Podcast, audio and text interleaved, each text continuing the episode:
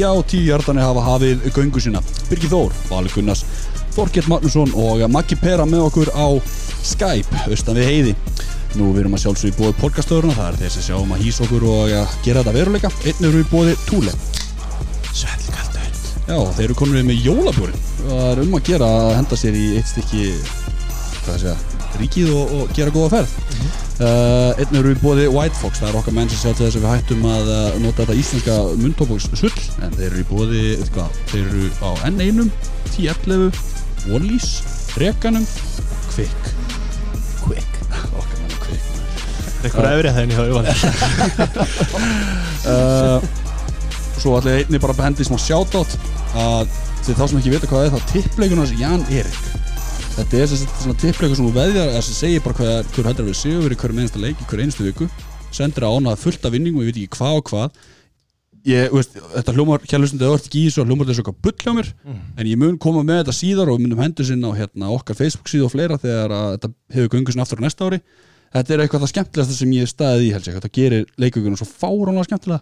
Það eru sent núna að byrja það ekki? Jú, þú að Já, senda núna, já, þú veit er að byrja alltaf í byrjun, veit það. byrjunleik tíða sko Þannig að Það fýttir þið byggjum minna að vera í einhverju því þú ert ekki að ríða beitt fantasi og ekki heldur í gískbónið þannig að hattu þér þetta kallið minn. Akkurat, uh, ég er að drull á mig fyrir það sem ég ekki veit að við funnum betur við það eftir. Hérna, uh, benda á einherjar eh, uh, Wildhouse-leikur enda 38-20 fyrir einherjum og þeir eru því 8-5 rekord núna. Og næsti leiku verður 30.9 kl. 19.30 í Kornum Ég og Kalli erum pælið að fara. Kíkja það. Hérna- kemur með okkur 30.9 í Kornum, 1930 Mátti ég koma með það? Hvernig var Nei, Það? ekki. bíl sko. eru- eru- við erum allir fjóra að fara. Aldrei að vita að við fljúum kannski bara matta vestur. Nei, en að söður segi ég, ég segi svona. Uh, Getur líka að flója honum vestur. Já, það er líka eftir leið bara.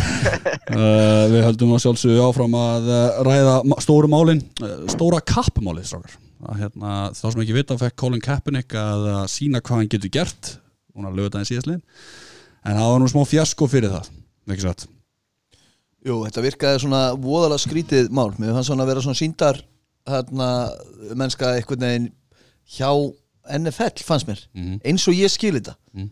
að þá var það svona einhvern veginn slengt fram hann fara að æfa, hann veit ekki hverju vætri síverar hjá honum uh, og sem að verður til þess að hann hætti við bara 20 kl- klukkutumum fyrir að vera í Atlanta og breyti venju. Já, nei, ég hefði með sig að það var aðeins fyrr, já, aðeins síðar sko. Setna, já, Já, ég hafði bara 6 tími fyrir, en það skipti ekki máli já, Já, það var var ekki- 6 tímar Já, 6 tímar eða eitthvað og hann færi sér henni bara klukkt um að frá Atlanta leikunum með einhvern high school völl þar sem hann tekur træjáta því að þetta hafði eitthvað að gera með að þetta skrifindur eitthvað, eitthvað non-disclosure samning Vitið það? Ég þekki þetta ekki alveg nógu vel. Ég bara, mér finnst þetta Kaepernick fíasko orðið Þetta var bara svona alveg rúsinan í pilsuendan á þessu bulli sem er búið að ganga á.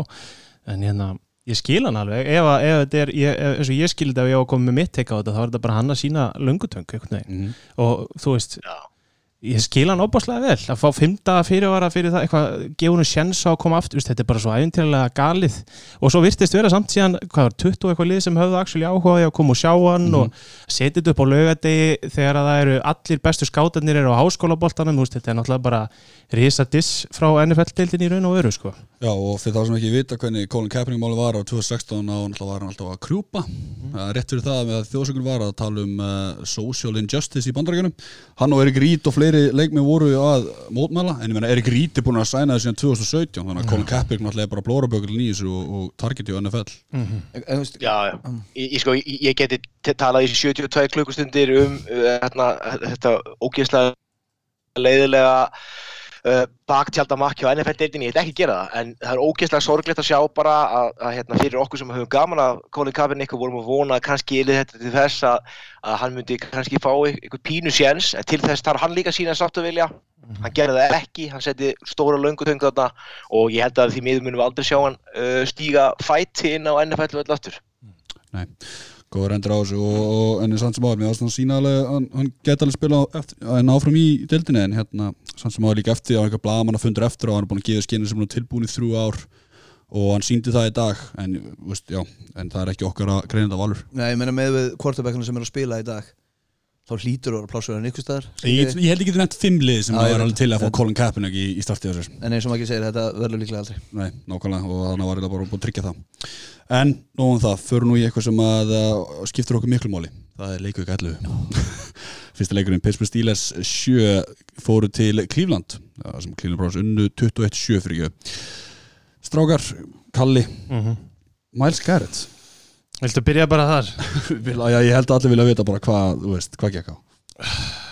Ég sko, mér finnst þetta bara gali hann alltaf verður eitthvað svona fjasko hann á grasinu og millið er að þetta svona þetta er óþarfa brot, það eru 8 sekundur eftir að leiknum, Garrett hefur gert þetta áður? Hann hefur áður fengið sektir fyrir svona, hérna, hvað heitir þetta? Gerir meira eða úr Já, gerir meira úr brotum unnecessary reference og hann svona einhvern veginn dregur hann niður í grasið og, og eðlilega, ég meina Rudolf trillist þarna eitthvað og reynir að virðist reyna að rífa á honum hjálminn, náttúrulega tekst það ekki neitt hann er með eitthvað skrýmsli ón á sér. Og úr verður það að Miles Garrett lemur hann í höfuðið með hans eigin hjálmi sko. það sem hann er búin að rífa hjálminn á Mason Rudolf og það sem við erum að sjá er hvað eh, allavega útleiktíðina bann. Það mm. ekki ljóst hvort að veri lengra. Og hérna uh, ég veit ekki hvað maður á eiginlega að halda. Þetta er svo, þetta er svo opboslega skríti múf í sigurleik lítið eftir að trillast svona úst, hvað í óskupunum hefur gerst þarna á grasinu sem að olli þessu? Já, hann, sko, hann segir þarna að hann hafi klipið hann í pungin sko, Mason Rudolph með sína krútlegu hendur, þetta er svona svo bara að halda á einhverjum hérna, einhverju sko keilukúlu þarna ef hann ætlar að reyna að grípa um pungin á honum, en það að þessi gæi ráðið svona á hann, það er ekki sér réttlætið það, er íþjóttandi skammar og hann það bara gjör svo vel að hérna gerir sér í brók, það var ógeðslegt. Það búið svolítið að finna að fylgjast með umræðinu þeir eru að taka þetta vestanars skilju þeir segja, já ég menna, hei, Rudolf reyna að taka hjálminn og hún er fyrst og grípir í punginu hann er bara að verja sig, Bara, já ok ég er búin að sjá svona hjálm lamin í tréstól. Tréstól er náttúrulega ekki sén sko. Nei. Og alveg, Nei, hann er raun heppin hvar hjálmurinn lendir á honum. Hann hefði getað drepið hann. En, hérna, en þetta er ekki, eins og Kalli nefnir þetta er ekki fiskið sem Malskarað er að gera þetta. Mm. Þú veist, eh, hann var, hann var sektaði fyrir fólkskóli brot á Trevor Simjan sem var til þess að Trevor Simjan fóbrotnaði ekki. Jú, jú, Já, jú. hann fóbrotnaði vara quarterback Jets í ykkur þrjú eða eitthvað. Já, hann, Já, hann, já. hann var hérna líka sektaði fyrir eitthvað unnessins rofnis á móti Tennessee Titans segir maður rétt mm. en Buffalo, ég man ekki hvernig það var en hérna, þannig að hann er algjörst svona dick eftir play líka og þarna er hann að vinna rivals, þetta er Mhm. mm -hmm. Og hann bara ætlar að vera töffari og svo bara kemur hann svona hróttalega baki á honum og bara so be it. Svo náttúrulega líka nefna að að Mike Pounce í sendurinni á Steelers, hann náttúrulega fer að verja sin quarterback og þeir ráðast hann að tveir uh, offensive linemen bara á Miles Garrett og hann fekk þrjáleiki eða tvoleiki Já, þrjáleiki. Þrjáleiki. Og svo fekk einhver, einhver rasshaus sem að ég man ekki sko heitir defensive lineman sem ítir í baki á Já, já. hann stendur varnarleis og horfa á þetta skilur Já, fers svo sjálfur í viðtal og segist hafa verið að verja Miles Garrett Já, til þetta er hamingju með það Kjáni sko. Þetta er náttúrulega bara- Mælskarið er búin að áfriða domnum Já, já en það vonandi gengur ekki á honum. Þetta fer eitthvað inn í næst sísón ég er til Til 100% besti en, leikmaður til denna notabene já, uh, með þeim betri allan Já, en um leikin er eitthvað sem við tökum út úr þessu fyrir utan það kannski bara að stílisvörnin hyggstaði og Pittsburgh Steelers sóknir eru umleg Ég fór, sagt, ég, í tippleiknum okkur að tippa ég á stílis á þeim fórsöndum að að vörnið þeirra myndi hérna, ganga frá Bacon Mayfield, ég ger ekki, þeir ná alveg heilu sakki á þessu ömulugu sóknarínu og það komið svolítið óvart með svona þetta hæp í kringum hérna, Minka Fitzpatrick til dæmis veist, það var svona pínu no-show hjá honum á, á ekki betri að vætri sífur konar þetta en á sama tíma þá eru e, sko hérna, Pittsburgh með fleiri kastjarta það sem að verður þeim að fallið er náttúrulega fjögur interceptions síðan hjá Mason Rudolph sem náttúrulega er eh, galið, bara hann síndi það kannski þessu leika, hann er held ég ekki franchise quarterback fæn, bara endanlega, því við erum nú ekki hafum ekki verið hrifnir á honum en hérna sko, Cleveland sóknin ekki spennandi heldur með einhverja 193 kastjarta, þú veist. Mér finnst þetta bara svona miðlungslið í báðar áttir og, og þú veist, það verður hræðilegt fyrir mér ef að annað af þessu liðum fyrir í, í playoffs. Samanlega því, ég tek undir það. En þetta Juju Smith meðist líka og James Conner í leiknum. já. og hvað er ekki Deontay Johnson sem fær hann að höfuðhögga eða eitthvað Mhm. sem að líta alveg skell út? Það er enda líka annað.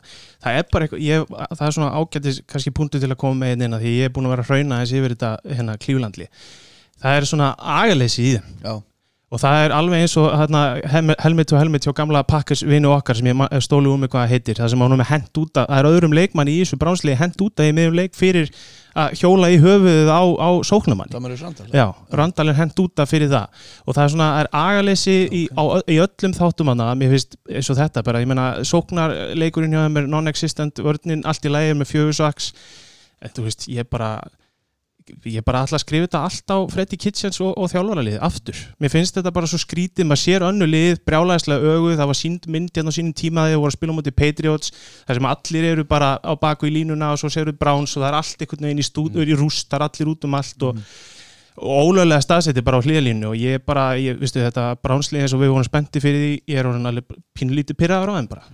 Tökum við þessar villur hérna. Að er með 8 villur fyrir 121 hjarta og meðan Pittsburgh með 6 fyrir 41 Ef þeir hefðu bara verið með qualified quarterback í þessu leik þá þeir bara átt að vinna. Nákvæmlega. En við erum, við erum búin að tala svolítið um það alltaf að, að hérna, Odell Beckham vildi að fá bóltan meira og, og núna verðist vera að Baker Mayfield fyrir að kasta helling til hans sem er tíu target í þessum leik, grípur undir bara fjögur. Uh, Karim Hunt er að koma skemmtilega inn og ég hlakka til að sjá hvað, hvað gerist í kjölfarið hjá honum en hvaða áhrif mun það hafa á bránsliði sem hefur ekkert verið með bestu vördin í deildinni að missa Miles Garrett? Mikil, Mjög mikið mjög mikil en nú er bara spurningi minna, þeir eru 4-6 eiga að rauna það möguleika að fara í play-offs? Með Maður- maður var, svona, var, var, var, var hreinlega farin að gæla við það að ef þið tækjum svona kannski 2-3 leiki í rönna þetta geti eitthvað stjórið eitthvað skemmtlegt en þetta lítur að vera gríðarlega skarf fyrir það að missa þetta tröll úr vördinni Við sögðum þetta eiginlega um bæðiliðin við vorum að hugsa bæðiliðin, eiga þau sjans þetta var lí- líka spurning með Pittsburgh í bara síðustu viku, þú veist, og þessi hvort liðir og erum átti tapa þessum leik þá var þetta búið fyrir þá. Og ég sé ekki Browns vinna, með við hvernig ég horfið á að spila þennan leik, þá sé ég þá ekki vinna sín í play-offs, það er bara útilokað. Endur myndu því Já, að og, fyrir ekki úr stíles á ekkert erindi í þess að úrslutakefni nei. þeir eru ógeðslega liðlega til liðlega stíleslið sem ég hef séð. Já, Ekki tekjum við það. Uh, Tökum við það að Miles Garrett er með 10 sök á sísónu Mhm. Gott að koma inn á það. Já, uh, Höldum það áfram að förum bara strax á sundaginn Það er Minnesota Vikings 27, Denver Broncos 23 Valur Já, ég ætla eiga, sem pakkasmaður þá ætla ég að rólega helgi og bara njóta þess á hróinu fell en ég endaði náttúrulega á fótum og öskrað og sjónvarpið yfir, yfir hérna Vikings Broncos.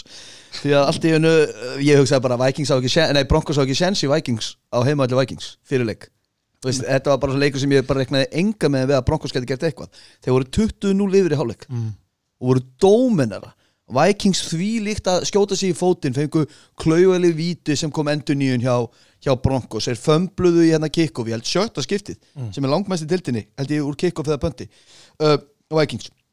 Svo í lokin, staðin er 17-0 þú veist, þá kemur fömbul eitthvað áleika.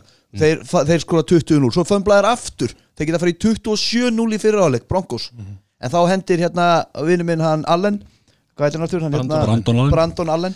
Hendir í hræðilegt interception bara rétt fyrir hérna hálfleik interception, í staðin fyrir 27-0 þá er 20-0 og smá momentum komið með Vikings. Og guðminn almáttur hvað þetta momentum kom með þeim inn í setna hálfleikin.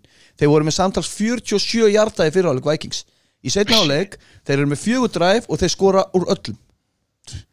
Þeir skora úr öllum dræfunum sem í setna hálfleik. Já, Ég held að sé eitthvað fyrst skipti sem að gerist ekki touchdown með þessi öllum Jú, dráðunum touchdown í öllum uh, dræfunum Ég held að sé fyrst skipti sem gerist eitthvað 40 ára eða eitthvað. Já, og hérna og, og, og Kirk Cousins sem, sko, það sem ég tek út úr þessu svolítið er að þegar Kirk Cousins er í stuði þá er þetta elitu quarterback Mm. þegar þeir ná play action í gang og eru með hérna, kúki í stuði þá er það bara alveg hár rétt sko. og, og, og ég held að sé líka að þetta klína sem ég varst sóknarlínun hjá þeim alveg í rugglinu í fyrir áleik hún var miklu betri í setni Já. áleik og sömulegis vörnin hjá þeim, hún steg heldur betur upp í, í setni áleik að því að mér varst Xavier Rhodes bara lítið út eins og kjáni með Cortland Sutton sem bæði er því líku leikmaður. Ég vildi bara koma honum að hérna því að það er alvöru, alvöru gæi og ég er því lít spenntur fyrir honum. Þá er þið með sko bara svona algjöran vætri síður eitt í Denver. Ég er alveg sammála því og hérna, sko, mér finnst Xavier Rhodes svolítið ómyndin, ég skal alveg viðkjöna það sem cornerback hjá Vikings, mér finnst hann ekki það góður. En hérna, Kirkland Sutton, ég er myndin alltaf að nefna hann. Hann er með, hérna, hann er með 113 hjarta og hendi mér þess að fyrir 38 Já. þannig að hann er með 26 hjarta í 11 carries mm. Í annar hlaupaleiknum greip fyrir einhverjum nokkrum yfirbót og það virðist vera þannig á Vikings að þegar að vætri sívarar og Kirk Cousins er í stöði þá er Cook lélögur og öfugt. Og stundum er bara Cook alveg að hlaupa þetta endalust Mm. þið finna, ef að, ef að bæði fara í gang í stórun leikjum, segjum það Mhm. vörnin er eins og hún er, hún er frábær. Og þarna, hann vinur minna Everson Griffin hann er búin að vera frábær, hann er með sjö sökka eða eitthvað á tíðumbilinu Mm. þá er þetta lið bara til alls líklegt.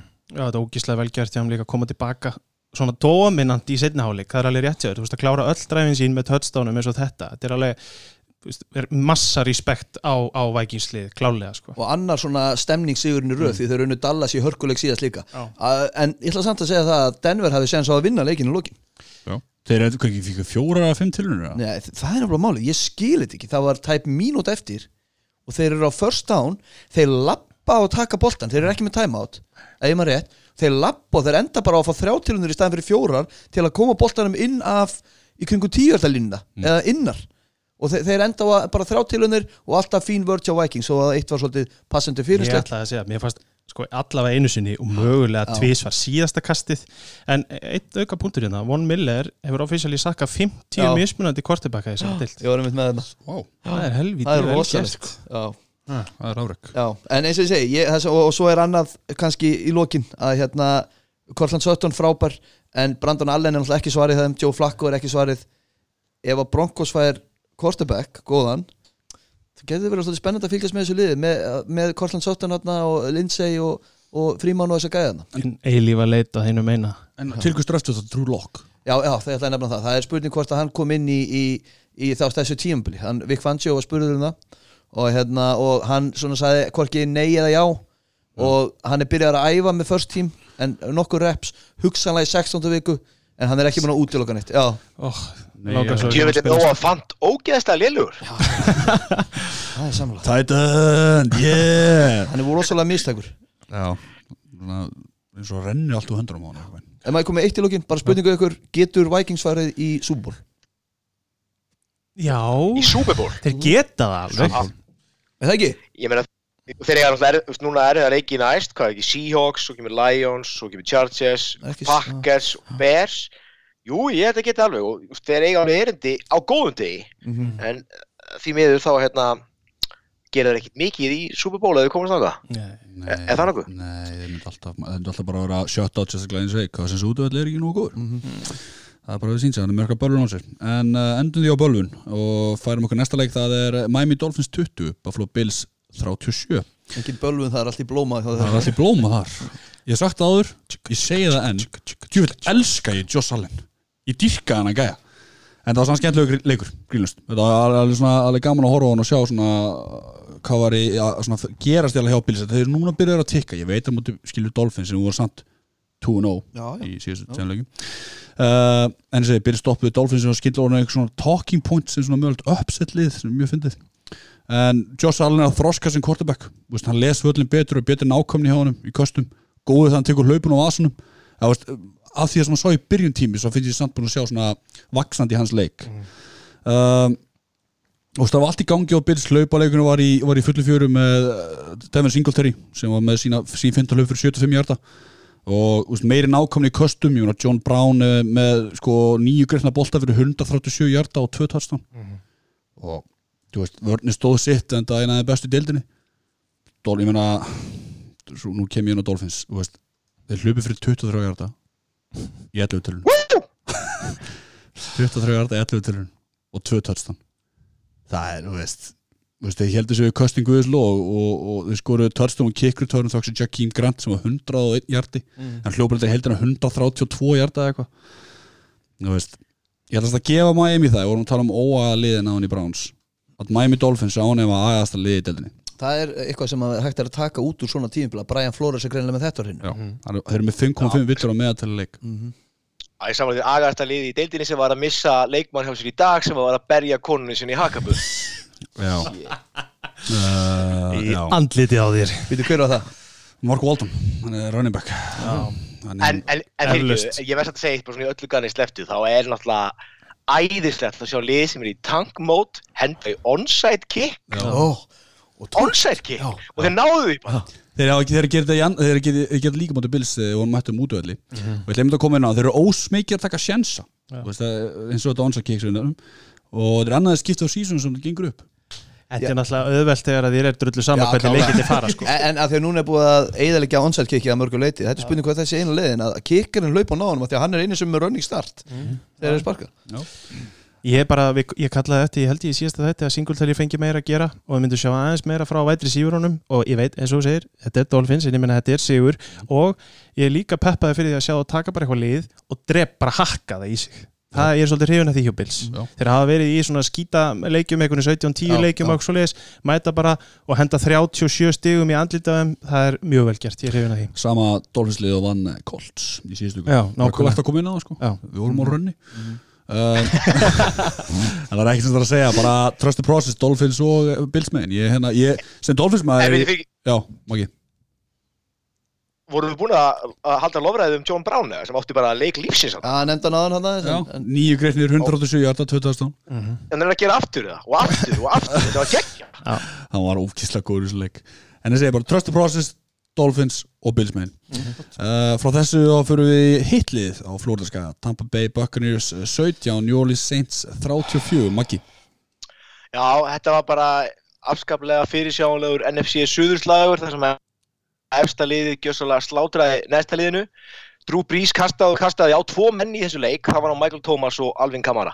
Og það sem ég var smagnað að sjá, hann var að kasta sko 60% allra, allra targetin hans fóru þessa tvo menn. 60%. Thomas var geggjar að vanda og við erum búin að hæpa hann alveg í döðlur að þessi besti útferðin í dildinni uh, og Alvin Kamara var sem fyrr vinnuhestur það er eitthvað með hans strákar sem að mér langar að svona, setja spurningamerki við hann hérna, skoraði touchdown uh, sem var dæmt af vegna holding og svo fömblaði hann líka einu sinni. Og hann hefur ekki skorað touchdown í fimm leikjum í röð. Og hann er bara með eitt touchdown á tímabilinu. Og hvað er í gangi þarna? það er þetta góð spurning. Já, er hann ekki búin að vera eitthvað meittur svona upp á síðkasti og ég held líka þessi bara einhvern veginn að koma hann hægt og rólega aftur inn í spilið. Svona, þetta er í fyrsta sinn líka í daldin tíma þar sem hann er mjög áberandi í sóknarleik hérna seint Í- Algjörlega, maður er búin að sakna sér í all, all, all, allan vetur. Ja. hann og hérna, okkar maður Latavius Murray náðu vel saman í fyrra en það er einhvern veginn ekki svipur hjá sjónu þessi geggjaði hlaupari. Uh, Michael Thomas hann er komið 94 reception í fyrstu 10 leikjunum, hann er lang efstur allra, hann er með 19 fleiri en DeAndre Hopkins fyrir öðru sæti, það sýnir bara hversu mikilvægur hann er fyrir sóknuleik uh, Saints Ara uh, Jared Cook hann var geggjaður með, með hálótta fimmleika í sturluðu touchdowni. En Kalli kom inn á um daginn að hann hefði bara miklar ágjör að brís í, í síðasta þætti. Og ég verð bara að taka undir með honum þarna. Í þessum leik var hann bara mjög shaky. Og maður velti fyrir sig, er þumallin bara ennþá á stríðunum? Og ef svo er, akkur í anskotum er að rössa honum aftur inn í leikin þegar Teddy Bridgewater var að gera flotta hluti? Sko, þú veist, hann var einn slakasti QB í deildinni eftir Fyrra Já, bara tölfræðilega var hann einn slakasti QB í deildinni og það glemist um umræðina hann er bara hvað er hann, svipa gammal og breyti eða ekki? Jú. Það er 41 árs. Hann er 40 eins ás ég meina, þú veist, Father Timer hugsa hann líka bara stríðunum ég held að sé bara að blanda, hann má, má ekki við því að meiðast. Nei. það er bara eins og og þetta er úr rútínu og, öllu draslinu og, og það er bara erfitt fyrir svona gamla kalla að koma tilbaka, þú veist. Nákvæmlega og líka það ekkert á að vera að koma honum í leikin með, með ónýttan þumal ég hefði bara viljað sjá Teddy Bridgewater fá nokkuð leiki í viðbúti en það er bara ég. Mm. en vörðin hjá Saints gerir það sem hún gerir best. Hún bara gjössalega svæfði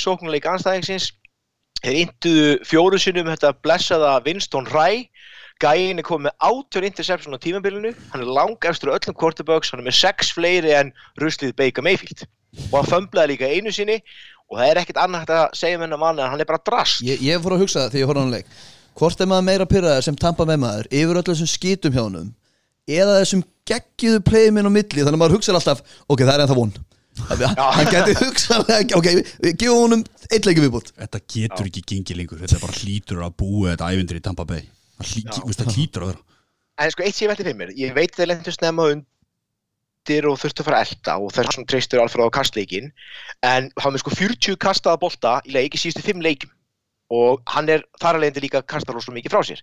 Þeir voru ekkert að treysta hlaupa leikin og þeir verða bara að fara að gera eitthvað, þeir verða að fara að sko hrista hans upp í þessu, það er ekkert að frétta. Nei, Nei, en það- er um, eh, En er svo slaka hlaupa Peyton Barber, Ronald Jones III og uh, Okubun Wale sækið eitthvað, gerið eitthvað. En allavega, uh, Saints er allavega komið með 8 sigra, útlitið er bara nokkuð gott. Þeir eiga núna tvo NFC South Divisional leiki næst Panthers og Falcons og ef þeir vinnast þá geta þeir bara einfallega að halla sér aftur og fara að kvíla menn bara fyrir úrslækjumna. Mhm. uh, og ég verð að minnast á Cameron Jordan sem var ógeðslega grimmur í þessu leik í vörð Saints og það var svona á tímabilið svona ætlaði bara einfallega örkumla menn.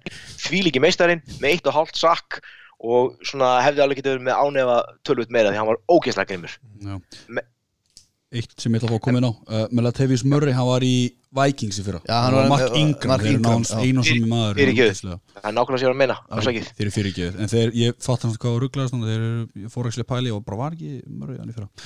Uh, ég er svona sammála ég, en, ég, en ég stendur sem ég segi, ég held að Winston er að sér búið, það getur ekki verið að Bruce Arians stendur, sér það hann stendur hann hliðin og horfa á hann hann hugsa með sér bara hvað það að gera? Þegar hann hendur í þessu fáránlega köstu interception eitthvað triple coverage og Já. Já, en það er ekkit uh, meira að bæta við eða?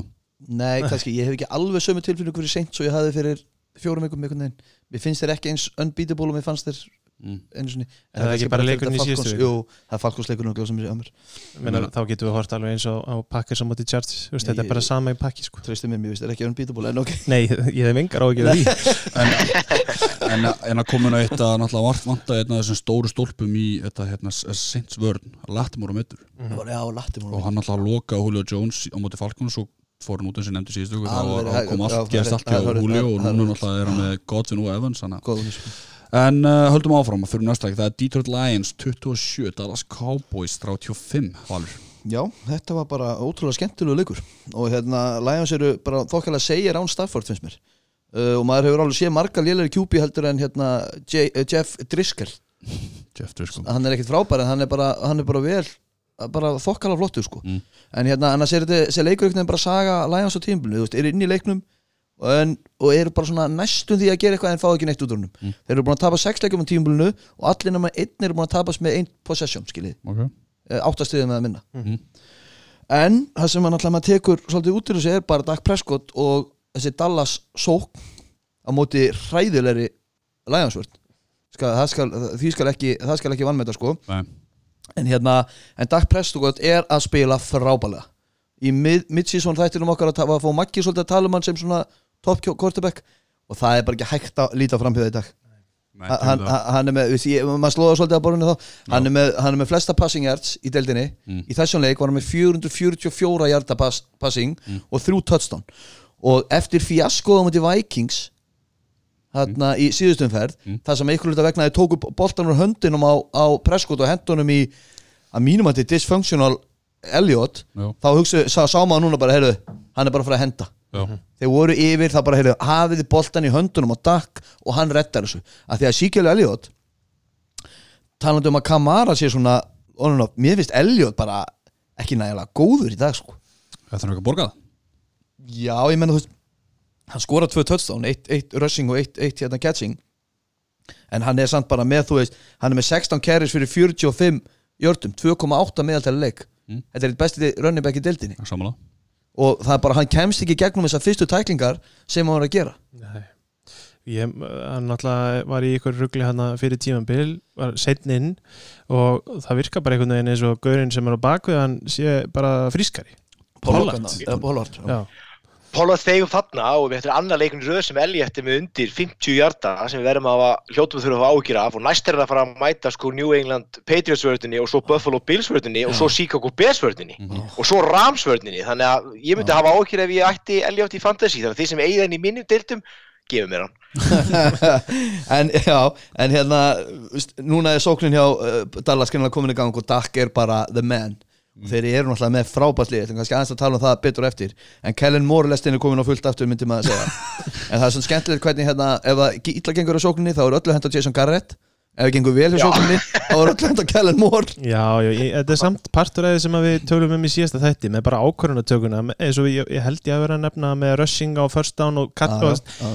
það kemur frá aðalþjálfarunum. Hann hlýtur að vera að bremsa Kellen Moore af og ég meina, ef, að- ef að Kellen Moore fær að gera þetta og við vorum að tala um Dak Prescott er bara að sína það hann, sem er ágætt að hann á skili hann að reysa samning sem hann vill fá. Já, að því að, ég meina, hver myndi ekki vilja hafa þennan gæja á baku stýrið eins og hann er að spila? Samanlega því og, og, og það er bara fakt að það, það er áhættu, sam- áhættu samt að borga Rönnibekkum svona mikið sko. Mm.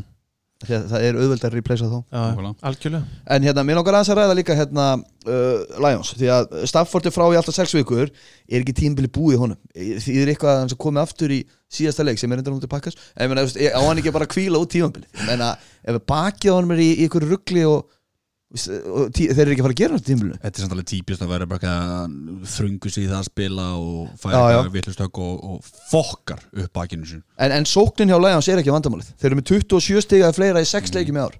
Það er vörnin. Og þá hlýtur maður að hérna, spyrja sig þeir réðu Matt Patricia til að laga vörnina. Mm. hann er bara alls ekki búin að gera það.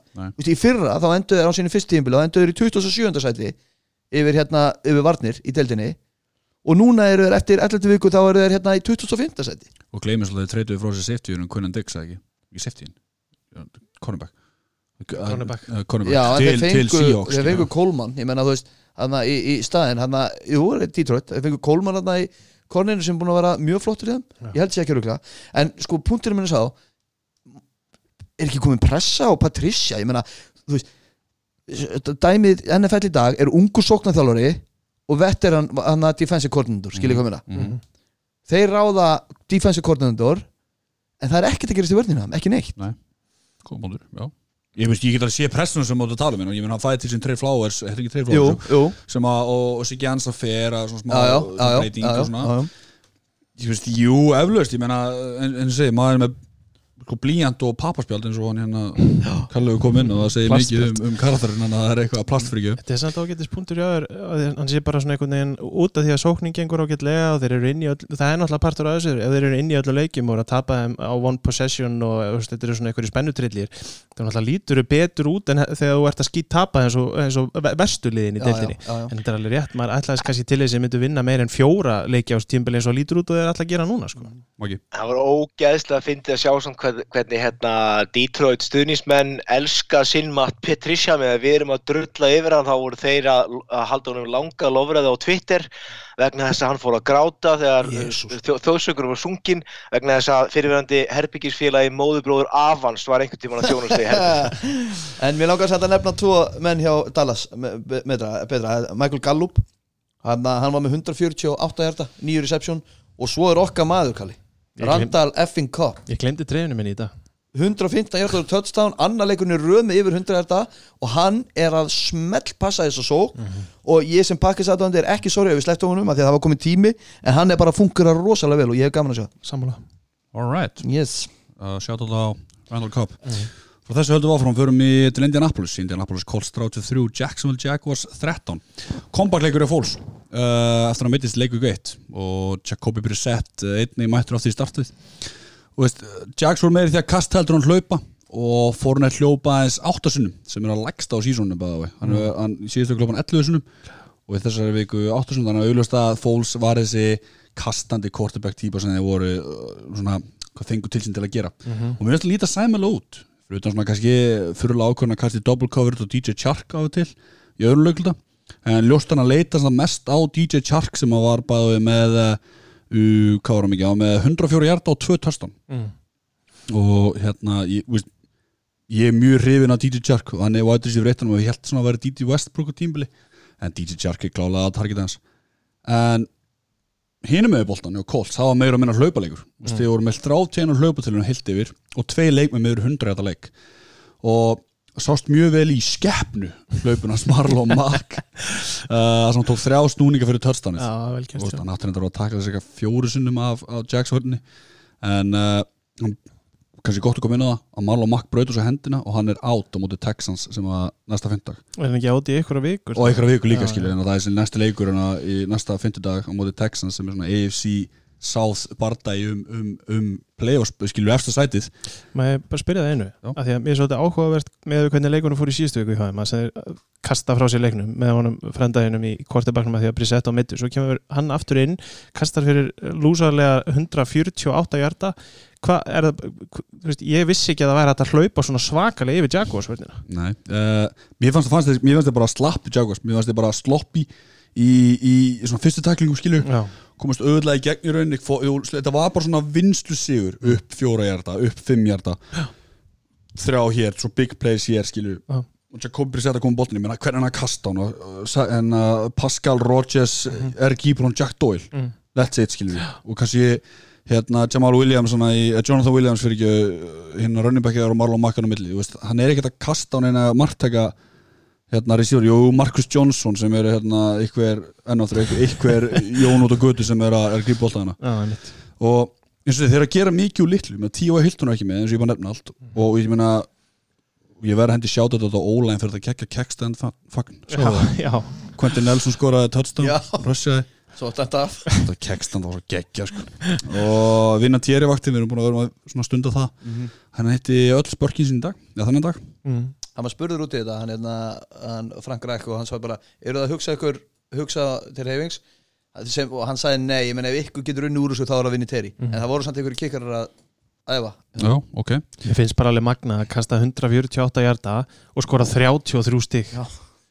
Ég er bara, mér finnst það sturla að því að hvað, þeir laupa fyrir 230 hjartum eitthvað, Mhm. mér finnst það bara mér, ég átti ekki vona á þessu frá Colts. Það er búið að vera að tala um að, að running back Corey HMC og smelum Mack, flottu leikmaður en restin var pff, bara bóstælega, bara ekkert að frétta. Þetta er ríkilega stærst hjá þeim sko. Hann mennast að laupa ég er að segja þetta svona fymta skipti. En, en, en, en það er eitt sem við varum að ræða þessi blessaði Jonathan Williams. Og eins og Biggie sagði hann meðist þannig mann og Mack en þessi Williams búin að vera hjá fjórum liðum í deildinni Bills, Broncos og Saints og núna hjá Colts. Hann er búin að fjóruða tímabilið hans. Að- að- hann er að slátra í sinu, þessum leik uh, fleiri jördum heldur en hann er hlaupið á Já, akkurat. bara í, í, í fyrsta leik, takk og bless. 100, 116 hjartar í 13 tilrun þannig að vera nóg að gera næstu vikum þetta Já. Marlon Mack bröð Já, einmitt. Fantasi Já, fantasy, fantasy. Hérna komið leikinn á eittina þessi sagði Nick Foles var að henda bóltan hann kastaði bóltan á 40 sísunum mm og ég ætla að henda í sjátt á Coltsförna sem er 10 pass defense í þessum leik. Það sem ég blaka boltan í burt frá hérna receiverunum. En eins og ég lítu miðstök þrjú víti leiknum og Colts hérna lið. Og öll skilur bara Jackson stoppaði trekk í trekk í trekk. Og ég menna aðeins meiri gæði í, í þetta Colts liði sóknarlega og þeir geta alveg verið topp þrjú AFC lið. Ég, ég ætla að segja það. Ég, ef þið fengið ykkur að 1-2 almenna receivera. Þeir þurfa að tífa í Tapa fyrir Dolphins í síðustu Brian Hoyer tapa fyrir Dolphins Já, síðast. hann gerði það einn og sér er samt- alveg Þetta er- er samt svo kolt sem þetta Já, ég veist, ég var að segja það áðan bara það er mjög skrítið að koma svona stert tilbaka þú Já. veist, og sérstaklega á móti vörd sem er yfir meðalagi góð. Það er bara magnað. Uh, ekkert fleira að bæta við hérna bara ég er spenntur að sjá meira frá fólks það er einu sem ég get sagt það því að mér fannst það mjög góður í þessum leik. Eða svona meða við. Uh, frá þessu höldum við áfram uh, til Carolina. Carolina Panthers 3 Atlanta Falcons 29 maki minn Já, elsku drengi mínir. Uh, Sko, þetta var alltaf bara NFC bardagi par excellence. Það var barist þarna út um allt og það var ógeðslega gaman að sjá mína menn í Atlanta Falcons sem eru búin að eiga lengsta undirbúinistímbil í sögu félagsins. Þeir ákveðu bara að mæta svona þarna svona núna svona í setnipartin uh, vörninn gjör svona skóp þennan sigur. Því að eins og við höfum talað reglulega í þessu þætti það eru búin ógeðslega lélega framan á móti þá voru þeir geggjar í þessu leik og líka geggjar í síðasta leik. Við með fjögur interception núna með, og fimm sacks. Uh, og Adrian Claiborne fór meittur á velli uh, komin þetta aftur inn á Takk McKinley fór meittur á velli kom aftur inn á það skipti engumáli að, aðrir í vördunni stígu bara upp. Og þeir eru komið 11 sacks í síðustu tveimur leikjum. Þeir eru með fleiri turnovers í síðustu tveimur leikjum heldur allt tímum blöðundan. Og þetta er ástæða fyrir því að Atlanta Falcons réð Dan Quinn þetta er ástæða fyrir því að Atlanta Falcons vildi reka Dan Quinn því að vörðin var ekki nægilega góð og mögulega eru þeir þessi varnavenna að henda björgunarhing í fangið honum. Ég ætla að segja, þetta er Eh, ekki peppaði fyrir nýja samningnum í loku vikunar sem að Dan Quinn er að fara að fá í hendurnar. Æ, guð bless okkur. En hérna uh, Sko, þeir náttúrulega skiptu eins og við tölum um, skiptum hérna uh, menn í þjálfara stöðunum og það er orðið til þess að þeir ekki fengið á þessi touchdown en sóknin aftur á móti er búin að vera mikið höfurkur og, og hérna hún gekk í þetta skipti út á köst í hlaupur eitthvað komst aldrei í gang. Uh, við veitum þannig að Devonta Freeman var mittur og Brian Hill átt að koma inn en hann náði bara 30 jördi við 15 karri, skæði ekki neitt. Uh, Ryan kastaði sem fyrir á Julio Jones og Calvin Ridley. Uh, en Julio Jones hefur ekki skorað touchdown sín í þriðju umfæðstrákar Mhm. það er 22. september hvað er að gerast með okkar mann? Kalli talaði um það fyrir tímfili við minna að verið Kalli. Sem sagði það ágjörð því að hann var ekki að grípa nægilega mikið að touchdownum Já. uh, Matt Ryan er búin að kasta mikið en hann er ekki að ná að hitta demanti sinn Julio Jones. Þetta var Uh, eins í fyrra hjá honum. sorry, ég ætla að bara segja, þetta var eins í fyrra hjá honum. Touchdown leysi í fyrra hjá honum er að eldan bara einhvern veginn inn í þetta tímabil aftur. Já, en svo var með áður fyrir það var hann búin að vera með eitt í í sjöleikjum undan því Já, sko. akkurat. Nákvæmlega, og Ma- Matt Ryan er búin að kasta vel og þetta er búin að skríti uh, en Panthers, skáttu nákvæmlega ekkert í þessum leik. Uh, Falkonsvörðin bara svæði þá og skoruðu þau til að myndi ekki stig í fyrstu þremur leiklutu leiksins. Og maður spyr bara hvað er að gerast fyrir Kyle Allen? Hann er með nýju interception í síðustu fjóru leikum hann er með null þar á undan. Það er svo þetta fínt allt annað Kyle Allen en við um og rósa þetta yfir nokkru vikum. Já, bara um leið og kom bara í og segir við ætlum bara að fara á Kyle Allen. Cam Newton fyrir bara á Indus Reserves þá er eins og svona aðeins sloknaði Það er bara svo hann hafi mist hausinn. Já. Matti var að tala um að um daginn að hann væri fömblari sem ég var endur ósamala en hann er ekki að hjálpa mínu hæpi í kringu sem með að kasta fjögur interceptions Já, bara í einum leik Það var fyrirleikin sem þú Já, sagði ég sagði það áður en hann, hann misti andlitið sko. en, þetta- þetta- en hann kastast hann fyrir 325 jördum Þú veist, Já. hann er ekkit gagslus en þetta er, þetta er ákvörðun að tökja drulla sko, á móti ekki betri vörn innan gæsa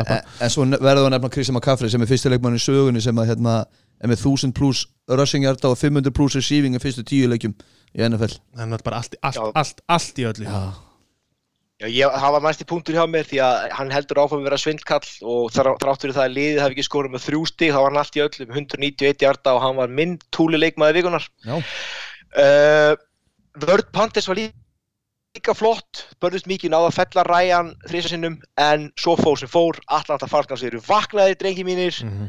we're on a roll algjörlega. Vel gert. Og og, og, gaman að horfa á það aftur, það er skemmtilegt. Já, en er það á sent? Það er á sent, ekki? Já, það er Það er, það er njólinn sent Það- New Orleans Saints, skemmtilegt. Hérna, en eitt samt til og og þetta var rosalega ljóður lótarökin Hérna, wow, ég ætla að segja eitthvað þetta var alveg út um mér Jú, Dan Quinn, það getur ekki verið að Dan Quinn sé safe samt, það getur ekki verið. Nei. Heru, sko, ég verð að segja, ef þið sjáðu ekki Twitter-vídeó í dag sem kom af honum og takk maður kynleik þá bara farið og finnið það eittur og bingo. Því þetta sérðu ástina sem að leikmennir hafa á honum og það er ástæðan fyrir því að uh, eigandi lýsins er ekki búin að reyka hann. Uh, takk maður kynleik á þetta tæklingu döðans, Dan Quinn fyrir rósarunum. Og takk maður kynleik bara ber hann. Hann ber hann bara eins og maður gerir út á skólavellinum þegar maður er tíu ára skilur, lætur hann bara finna fyrir því og bara þeir eru svona eins og tveir félagar að leika út í garði skilur þeir elskan og þeir eru mögulega bjargan Já, ég, já, ok. Ég ætla að kemur mjög óvart ef að lið sem var 1-7 fyrir Þeir, tveimur þeir, síðan. þeir þurfa að vinna rest og þá endaði 9-7 Já, ef þið vinna rest, já. En ég, ég er spennt fyrir þína hönd, Maggi. Ég er spennt fyrir þína hönd. Takk, Höldum áfram. Gef mér þetta. Þú mátt eiga þetta. Næsta leikur, Baltimore Ravens 41, Houston Texans 7 Þetta átti að vera shootout sem var síðan bara alls ekki shootout, Kalli. Nei, ég hérna ég náðu nú bara svona að horfa einu sinna ána leik og, og hérna uh, það var svona pínu sjokkerandi bara að sjá hversu lélega Houston, Texas voru. Þetta var eh, ferlegt og við enn og aftur erum að sjá hvað kemur fyrir Watson þegar sóknarlínunas molnar saman. Og eh, Ravensvörnin er kannski það sem ég tek mest út úr þessu, við getum eh, talað um Lamar Jackson eins og þú segir í 70 klukktíma magi en, en vörnin hjá þeim er mætt Markus Pítis er að hjálpa þeim rosalega mikið. Einn hæst rankaði hérna Konnebakkin í deildinni frá því að hann kom til Baltimore. Og við skulum taka það líka fram að þeir eru búin að spila núna mútið Russell Wilson, Brady og Deshaun Watson og hafa ekki fengið meir en 20 stig á sig og er að vinna með hérna two possessions í hverjum einastæði sem leikjum. Og ég held að sé bara löngu komið tími til að því að ég sagði að hérna, kemur með mest á óvart fyrir á tímumbilinu, þá var ég spyrur á móti hverjum eru þeir búin að spila núna eru þeir búin að spila móti þremur algjörum dundur liðum og þeir eru bara að sína okkur að þeir eru eitt af bestu liðunum í þessari deild. Í, sko, í dag eru þeir bara besta liðið í þessari dild ég meina, er þetta að segja hvað þeir eru með fokkin Lama Jackson sem er að eiga bara tímbil lífsins. MVP Mark Ingram er að gera geggjaða hluti. Uh, þeir eru núna vörnir fann að teka þeir eru með besta sekundari í deildinni í dag eftir að komið Markus Píter Mhm. Ég, þeir eru mjög mjög spennandi og mínum að þetta er bara besta liðið í deildinni. Akkurat og það sem er skiptir svo miklu máli fyrir þá er líka, þú veist, þið þurfa ekki að vera með bestu vörnir í deildinni, þetta er svona enn og aftur, þú ert með þetta góða sókn, þá þarfstu bara að vera með yfir miðlungsvörn. Akkurat. og hún, hún er ekki besta vörnin, en hún er rosalega góð og það er að fleita þeim ansi langt. Og það sem að kemur mér líka svolítið óvart, þeir eru í þessari nýju NFL-deild með öllum þessum frábæru kast kortebökkum, þetta næstu komið með reyfinslið sem er eitt af bestu running liðum sögunar, takk fyrir. Og öllum víkstöðum og það er magnað að horfa á Lama Jackson hvernig hann losa sig út úr pressu það er alltaf verið að reyna að spæja hann. Það er ekki hægt, Nei. það er bara ekki hægt. Hann er með 80 held ég 6 hlaupahjarta í þessum leik, hann kastar eins og engill. Þetta eru bara darts, hann er bara bingo ykkur einasta kasti. Og þetta var það sem að menn sögðu fyrir tíðanbili, að Lamar Jackson væri running back eða vætri sífur eða eitthvað. Hann er svoleiðis að tróða upp í menn. Og ég held að hérna, með að við svona hvernig aðrir hérna, MVP leikmið spilu, það er opbáslega erfitt að horfa fram hjá Lamar Jackson akkurat núna Það væri Preach fáránlegt it Charlie, preach it maður, elska þetta Það væri fáránlegt að líta fram með Hann er með 17 hefnaða sendingar fyrir 222 hjarta, bæði að 24 sendingum. Fjögur touchdown.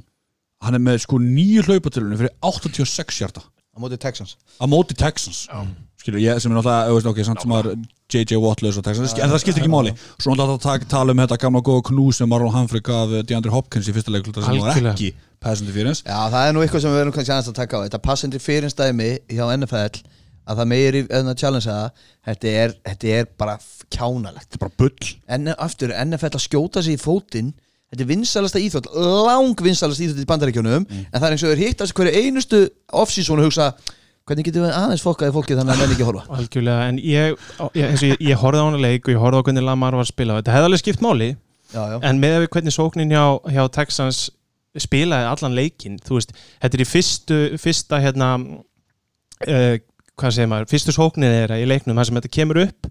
Og ég meina, ég, ég neita bara trúa því að liðið hefði orðið það mikið betra að þetta hefði ekkert tímann orðið leikur út af þessu eina kalli. Þann- Þannig að fólk veit Asam- hvað erum að segja. Þetta var ekki dæmt passandi fyrir sem átt að vera dæmt passandi fyrir Texans challenge en fekk þið ekki breytt Nei, nákvæmlega, og eins og ég segi, það er ekki bara passandi fyrir það er, þrí, það er heila hægt að kalla það á þrjú mismunandi tók Já, hjá Humphreys, þetta er svo lélegt. Mm.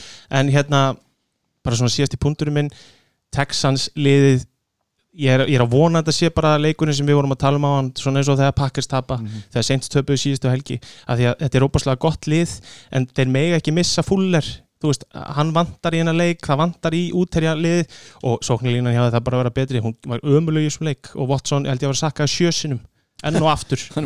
veist, hann getur ekkit verið bara að býta gras allar leikin en hann er reyndar að hlaupa sig í vandræði trekk í trekk, hlaupa sig í áttur og láta tekla sig en það er líka út af því að það er engin opið fyrir hann. Svo er það náttúrulega Það er nákvæmlega sem þetta segja. Sko, Dísjón Watson leit bara ógeðslega ill út í þessu leik. Hann var svona svo bólugrafur unglingur og leiðin á samfélsballið í fyrsta skipti, hann var ógeðslega stressað vissi ekkert hvað hann ætti að gera. Hljópi í bara einhverjum svona kátísk hlaup. Og þetta var bara skýta fróða hjá hann sko, sko kallinn Hörru, ég ætla þá að leiða mér að eiga, eiga þetta. Lamar Jackson er minn túleik maður vikunar Já, vel Ég ætla að fá stelun frá þér, því Já. að þú nefndur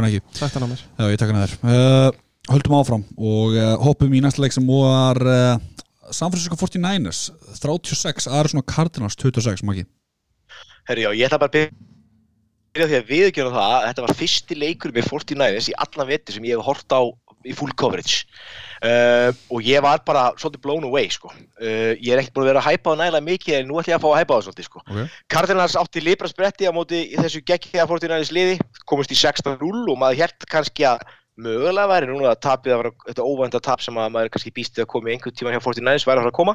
En þá setti Niners bara í lágadrifið og kroppuðu stíin inn. Uh, og minka þetta í 16-10 hálfleik. Uh, 49ers slóði í átján hlauparkir í leiknum og uppskára lítið. Og þá þurfti þurfti töframæðurinn, gúruinn Kyle Shanahan að finna eitthvað í sínum galdrapoka. Og þá sé maður hvað sóknuleikurinn þeirra getur verið bilastað fjölbreytur. Hann er svo fjölbreytur að fullbackinn Kyle Juszak og ég held á tímabili að hann væri að hlaupa því að ég hérna, var að horfa á hann í uh, bara á reddsónunu og svo þegar ég setti nú tjattið okkar að hann væri ekki alltaf í öllu í þessu hlaupaleik þá benti Matti mér nú á það að, að hann væri nú að grípa þetta. Og ég þurfti bara að kjósa að horfa á leikinn. Og þá sé maður hvað Kyle Shanahan er góður. Hann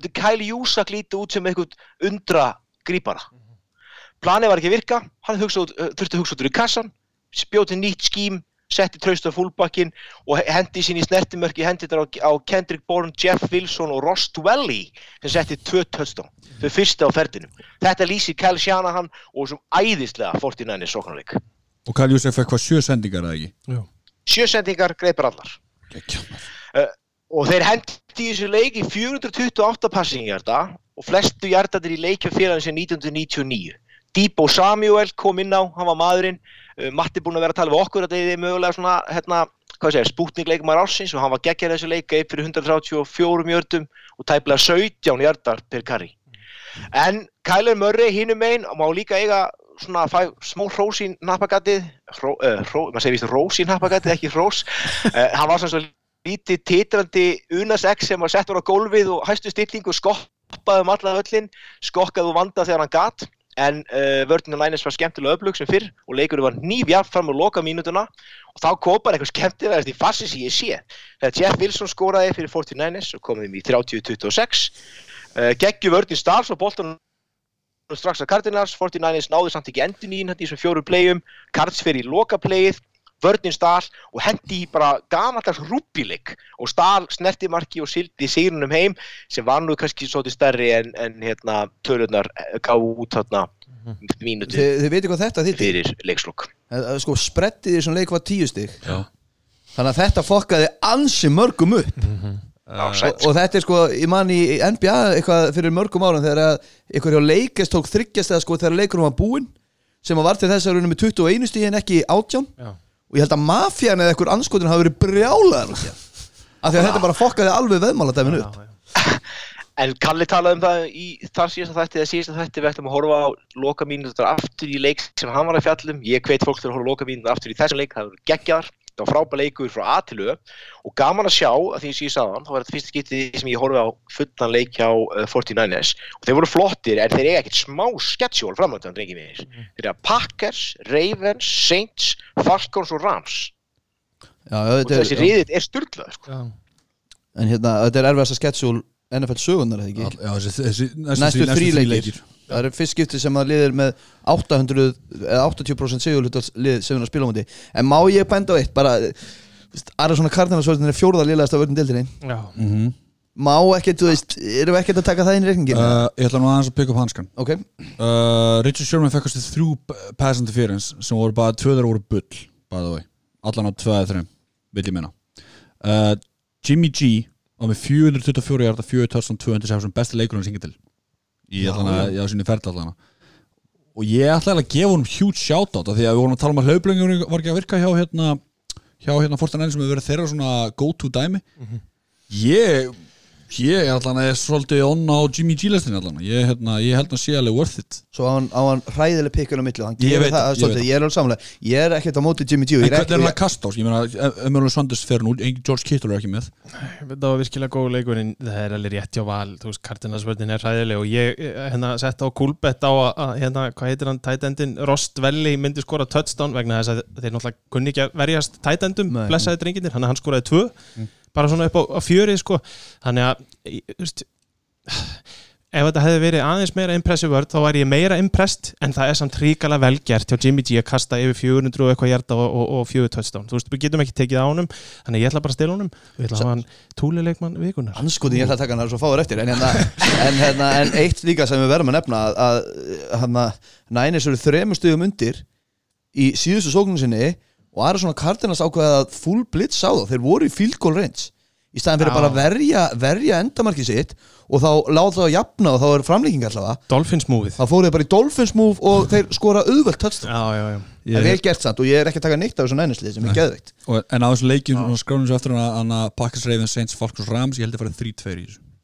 Ég held að vinna þrjá Já, leikjum og sjáu bara þennan riðil sko. Er, þeir eru sko núna 9-1 Seahawks 8-2, Rams 6-4 þetta, þetta er styrlaður riðil sko. Dauðariðil, þessum að segja. Já, Rams er sem búið að spila rassinu og buksunum og er ekkert á leiðinni raskat sko. Rassinu buksum og ekkert að fara raskat Og unasækið, sjálft og unasækið. Hérna Frá bóði er, ma er makki á okkur öðrum samningin við hjá okkur?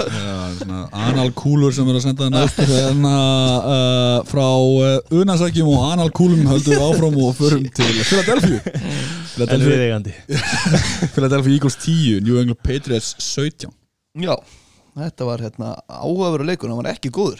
Það var einhver ræðilegur NFL-leikur að mörgur leiti þó að viðurastæður hafi, hafi hérna, ekki hjálpað til að var uh, kvastatna og var erfitt og allt svoleiðis, þetta fyrir kannski nánu það á eftir sem við gerum svo aldrei. En hérna eftir, eftir tapi gegn Ravens um daginn þá sagði Bill Belichick í viðtali hérna hvað klikkaði? Einu sem hann sagði I need to coach better. Eða ég þarf að þjálfa betur. Ok? Og hann hefur greinilega eitthvað gert í bæðugunum því að Guðminn Almáttur þessi patchvörn í þessum leik hún var rosaleg. Já. Og við höfum svolítið verið að leita til því að hérna, þeir gera eitthvað á móti alvöru sók og kannski áður ég held áfram er Eagles sóknin alvöru þegar það vantar Jordan Howard, Jason Jackson og Alson Jeffrey Nei, uh, Nei, Ok. í vind. Í bráleðin vind, ok.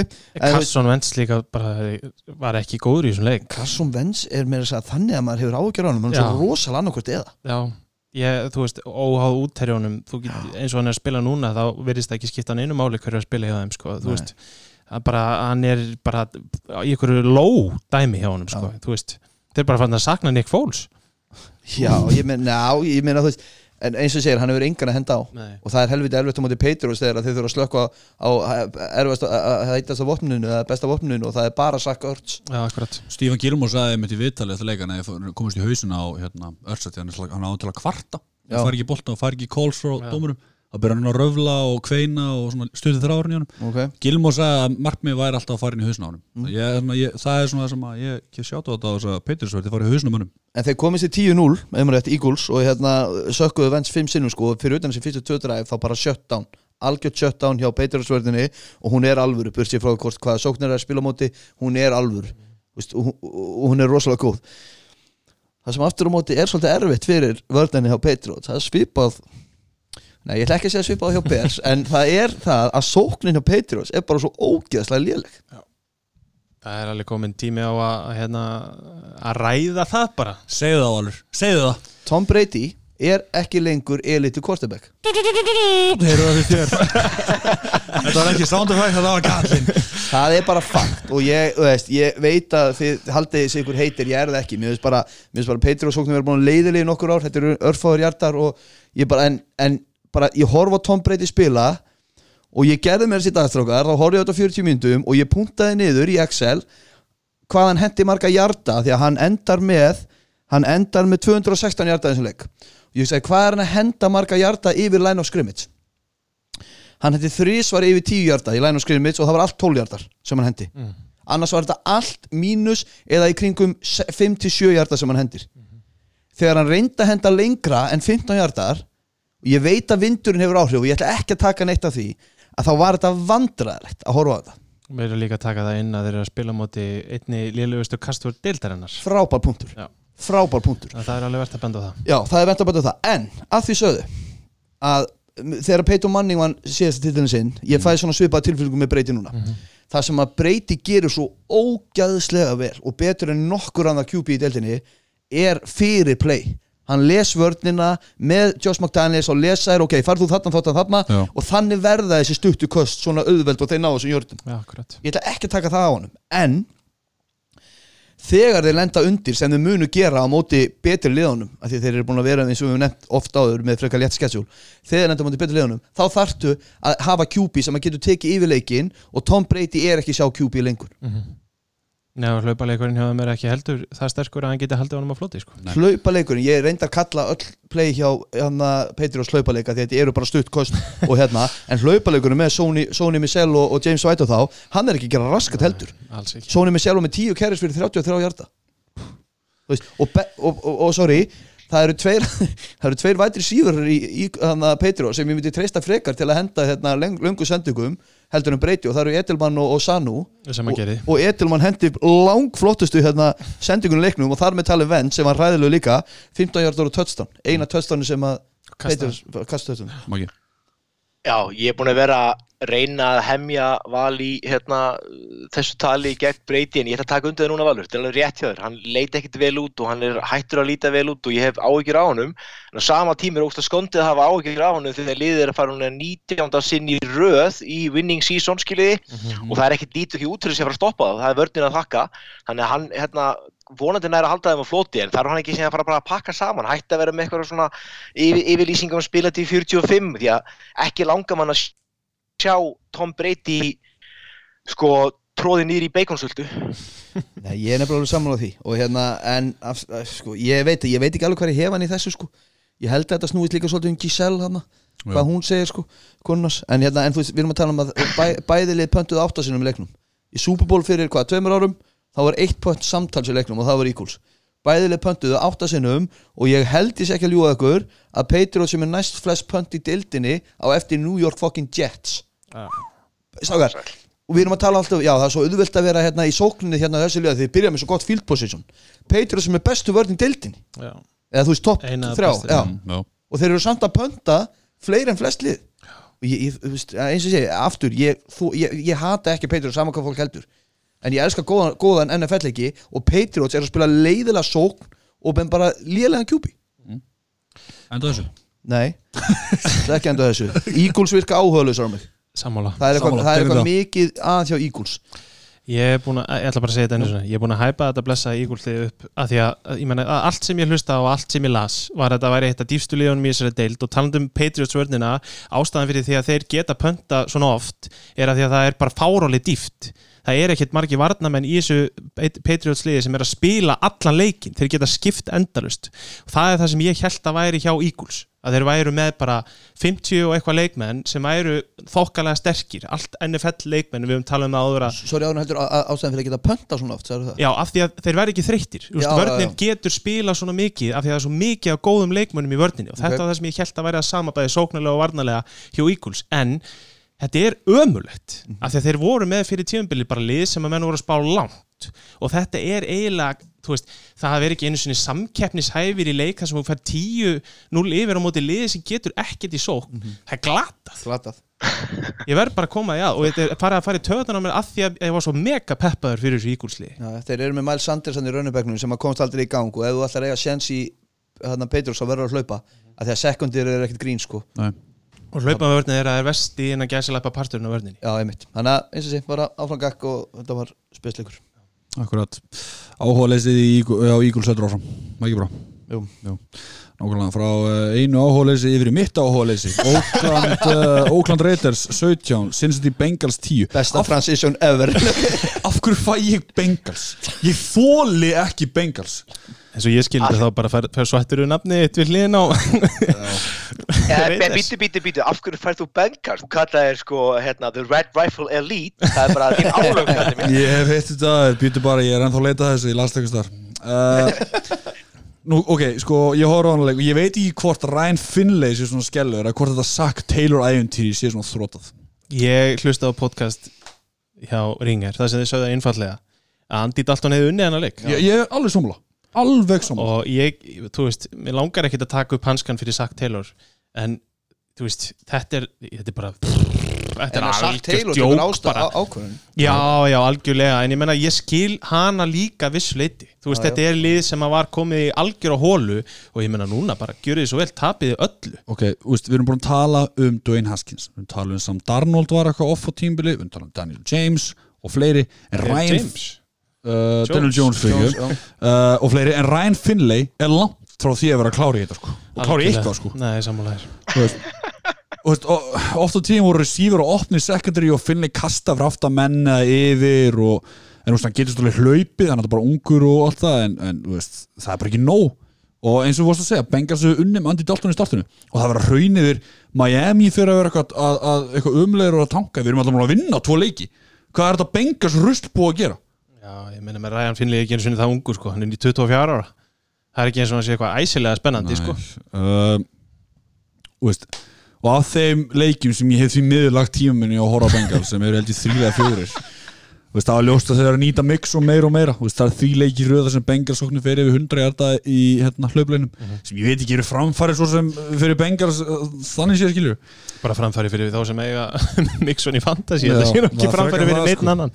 En hérna Derek Carr verður bara betur með hverju viku Þú veist að, þú veist, ég fyrir ekki að segja að hann sé beint top 10 quarterback en að skila góðan tölum, þú veist, að nákomi kastara og þessi sóknarlína sem með þessi, þessa stundur að fjórða besta í deildinni bæða á hún er að gera fullt fyrir Derek Carrs og hann hérna, hann er sáströst þú veist það er, þú veist þeir eru eftir að fara í play-offs á næsta ári þú veist, og ekki gleyma þeir eru með tvö first round picks á næsta ári og meðan Bears að halda frá spilunum sem þeir eru að spila þá fá þeir top 10 pick allana en þetta var ótrúlega tíðalít leikur bara leikur sem á að spila leikur 11 og, bæ, og, og bæðilið mættu og önnulið hljóta og, og horfa á benga sér hrækamar skilu, getur ekki verið að leik með þólda mikið lengur. Ég meina við erum Nei, nei. með Gino Atkins, Carlos Dunlop, AJ Green, Joe Mixon Tyler Efford og Andy Dalton, allt gæjar sem að sem að hérna eiga að vera skilur svona þessi spurastólpa þeir þóla það ekki mikið lengur. Nei, en ég er ótrúlega hrifin af þessu reytarsliði og ég held, held áfram að tönglast að því þó þau voru ekki sérstaklega í þessum leik. Ég er mjög hrifin af þeim Já, Carr 25, 29, 292 hjartar 1 touchdown, 1 interception ok, shit interception þetta og 1 rushing touchdown, svo hann fleigði sér ég held að myndi reyðbjörnsbólun svo það þrið svo hann, stökkan yfir. Og Max Crosby veit að, ég, já, hvað sér ég, ég trú ekki að ég sé að segja þetta en ég held í alvörunni að eða L. Raiders sé að fara að fara að klára þetta tímabil 10-6 á þessu stórkostlega skrítna tímabili. Missa Antonio Brown og allt búin í ruggleðana ef þú skoðið sketsjálega þeirra þá geta það hæglega tekið 10 sigra á þessu tímabili. Og það er bara rosalegt hérna, rós sem að John Gruden og hans fólk eiga skilið fyrir það. Ég er sammálað því og ég, Jo- John Gruden ég menna að mínum að þið bara mætti alveg tala um hann þegar við tölum um þjálfar ásins mm. Ég er ekki að segja henni að vinna en hann mætti alveg nefna hann í umræðinni Já, það er alveg sangjant Ég sammála því Nákvæmlega, ég, ætla, ég ætla ekki að eða tíma í Bengals. Ég er búin að gera það undanfyrir, ég ætla ekki að gera aftur. Don't do it. Höldum áfram. Uh, Næsta leikur. Washington Redskins 17 New York Jets 34 Valur. Já, þetta, við ætlum nú ekki eða miklum tími í hann leik. Please ekki. Þannig að ég ætla bara að segja Sam Darnold leitt vel út í þessum leik. 293 hjartar, 4 touchdown, 1 interception. Bara flottur. Le'Veon Bell Ég veit ekki hvað hva maður að segja um Le'Veon Bell. Er þetta ekki bara Er þetta ekki bara sanna góð sóknarlína, góður running back Hvað þetta með besta running back í dildinni Ah, Já, einn þeim. Ég meina undanferðin ár, besti running back í dildinni og hann er ekki að gera raskat þannig því hann er ekki með sóknarlína fyrir fram á sig. Nei, en ég menna hann hefur nú líka alveg gripið nokkra bolta og, hlaupið með þá. Hann er ekki að gera það heldur er það? Nei, nei, nei, nei. Þannig að Jú, ég menna við, við, við kölluðum þetta fyrir tímabili þessi sóknarlína væri djók og fyrir viki væri hann bara að fara að hlaupa á veggi og það er það sem bara hefur einhvern veginn sínt sig á þessu Mhm. Tímabili Vombrið Um, ef við tölum að svona Jetslið aftur, ég ætla ekki eða miklum tími hann leik, sorry. Þá er verið að selja miðan og leikstrákar. Já, ég sá þetta. Á besta stað á 15 dollara. Við skulum hafa þá reynu, þá verður verið að reyna Að selja miða. Nei, þetta er, en á Pepsi hérna Þetta er ja, alltaf til skammar. Þetta er skammar. Redskins bara til skammar. En Jamal Adams er eitt besti safety í deildinni. Já, punktur. Bara ekki spurning uh, annað sem ég tók út úr þessu leik það var þetta, þetta þessi fjasko á hlýðalínunni með, með Hoskins hana, með Hoskins vinn okkar hérna, Dwayne Haskins hann var eitthvað að tala við sóknarlínunum sinna hvað get ég gert til að hjálpa ykkur? Mhm. og þeir horfðu bara á hann eins og þetta væri eitthvað krakki sem hefði unnið ykkur að keppni og ætlaði að fara að skipta sér að playkólun Mér finnst þetta bara djók. Ég var actually hérna, hrifin á því að hann skildi segja eitthvað og þú veist, gera eitthvað maður er alltaf peppaði fyrir því að það sé eitthvað Já, já. skap í mönnum að því að eins og ég hef sett áður maður veit ekki ef hann á ekki að hlaupa og þá er hann alltaf að fara að kasta hann getur ekkert kasta hann og er bara svona eitthvað plöð en þetta er bara svo mikið virðingarleysi og þú veist, þetta er svo Redskins er eitt elsta liðið í Er þessari þetta að tala um þá hjá Haskins eða Nei, hjá sóknarlínunni, það er bara virðingarleysi við hann að hlæja basically framan Já, í já, já, en þetta er eitt, þetta er eitt sögu, eh, sögulega elsta lið í það, veit Redskins það, og þetta er bara orðið hlægilegt Ég veit það, þetta er sorglegt. Það mætir enginn á leiki og það nei. utanumhaldið er ekkert og veist, þetta er bara orðið algjör grín. Bjargið þessu liði, ekki bara hérna, Terry McLaurin sem að ég vil að einhver fari núna bara og, og bjargi. nei, nei, ég er alveg sammála því. Þetta er, en, en aftur, ég ætla ekki eða miklu í þetta. Jets vann 34-17, áfram gakt skipti engu málu og ég skil vel að þið gátt ekki selt þetta á Pepsi Max deildar verði Akkurat. Tekið Sam Darnold í Fantasy Það er eina sem ég lendið á Hann er með fjögur tölstundsleik 19 hefna sendingar 293 hjartar Frá þessu. Höldum áfram. Þú ert með annar leik. Ég er með annan, annan röð. Þú ert með annar röð. uh, LA Rams uh, 17 Chicago Bears 7 Af hverju var Trubisky tekin út af? Nei, ég segi svona Haldur á Ég tek það setna, en hérna, þetta var alveg, ég elskaði þessan leik. Ég var svo spenntið fyrir hún að þetta eru tvei ströggandi QBs Mr. Bisky og Jared Goff og þeir stóðu undir nafni. Ég horfði hann leikstrókar Varst ekki að segja að þú vildi svo skemmtilega NFL leiki? Jú, ok, en svo, svo er það þetta Því að þetta eru bæði lið sem eru að underperforma svo rosalega ár að það er rannsóknarefni. Ok. sérstaklega Chicago Bears. Af Því að nú er ég, eins og kannski við komum fram með þessu þáttum einu svona tvisar, pakkastæðandi Þannig að Bearsmenn voru þvílitt að nuttaði upp að þeir voru með betra lið núna og svona.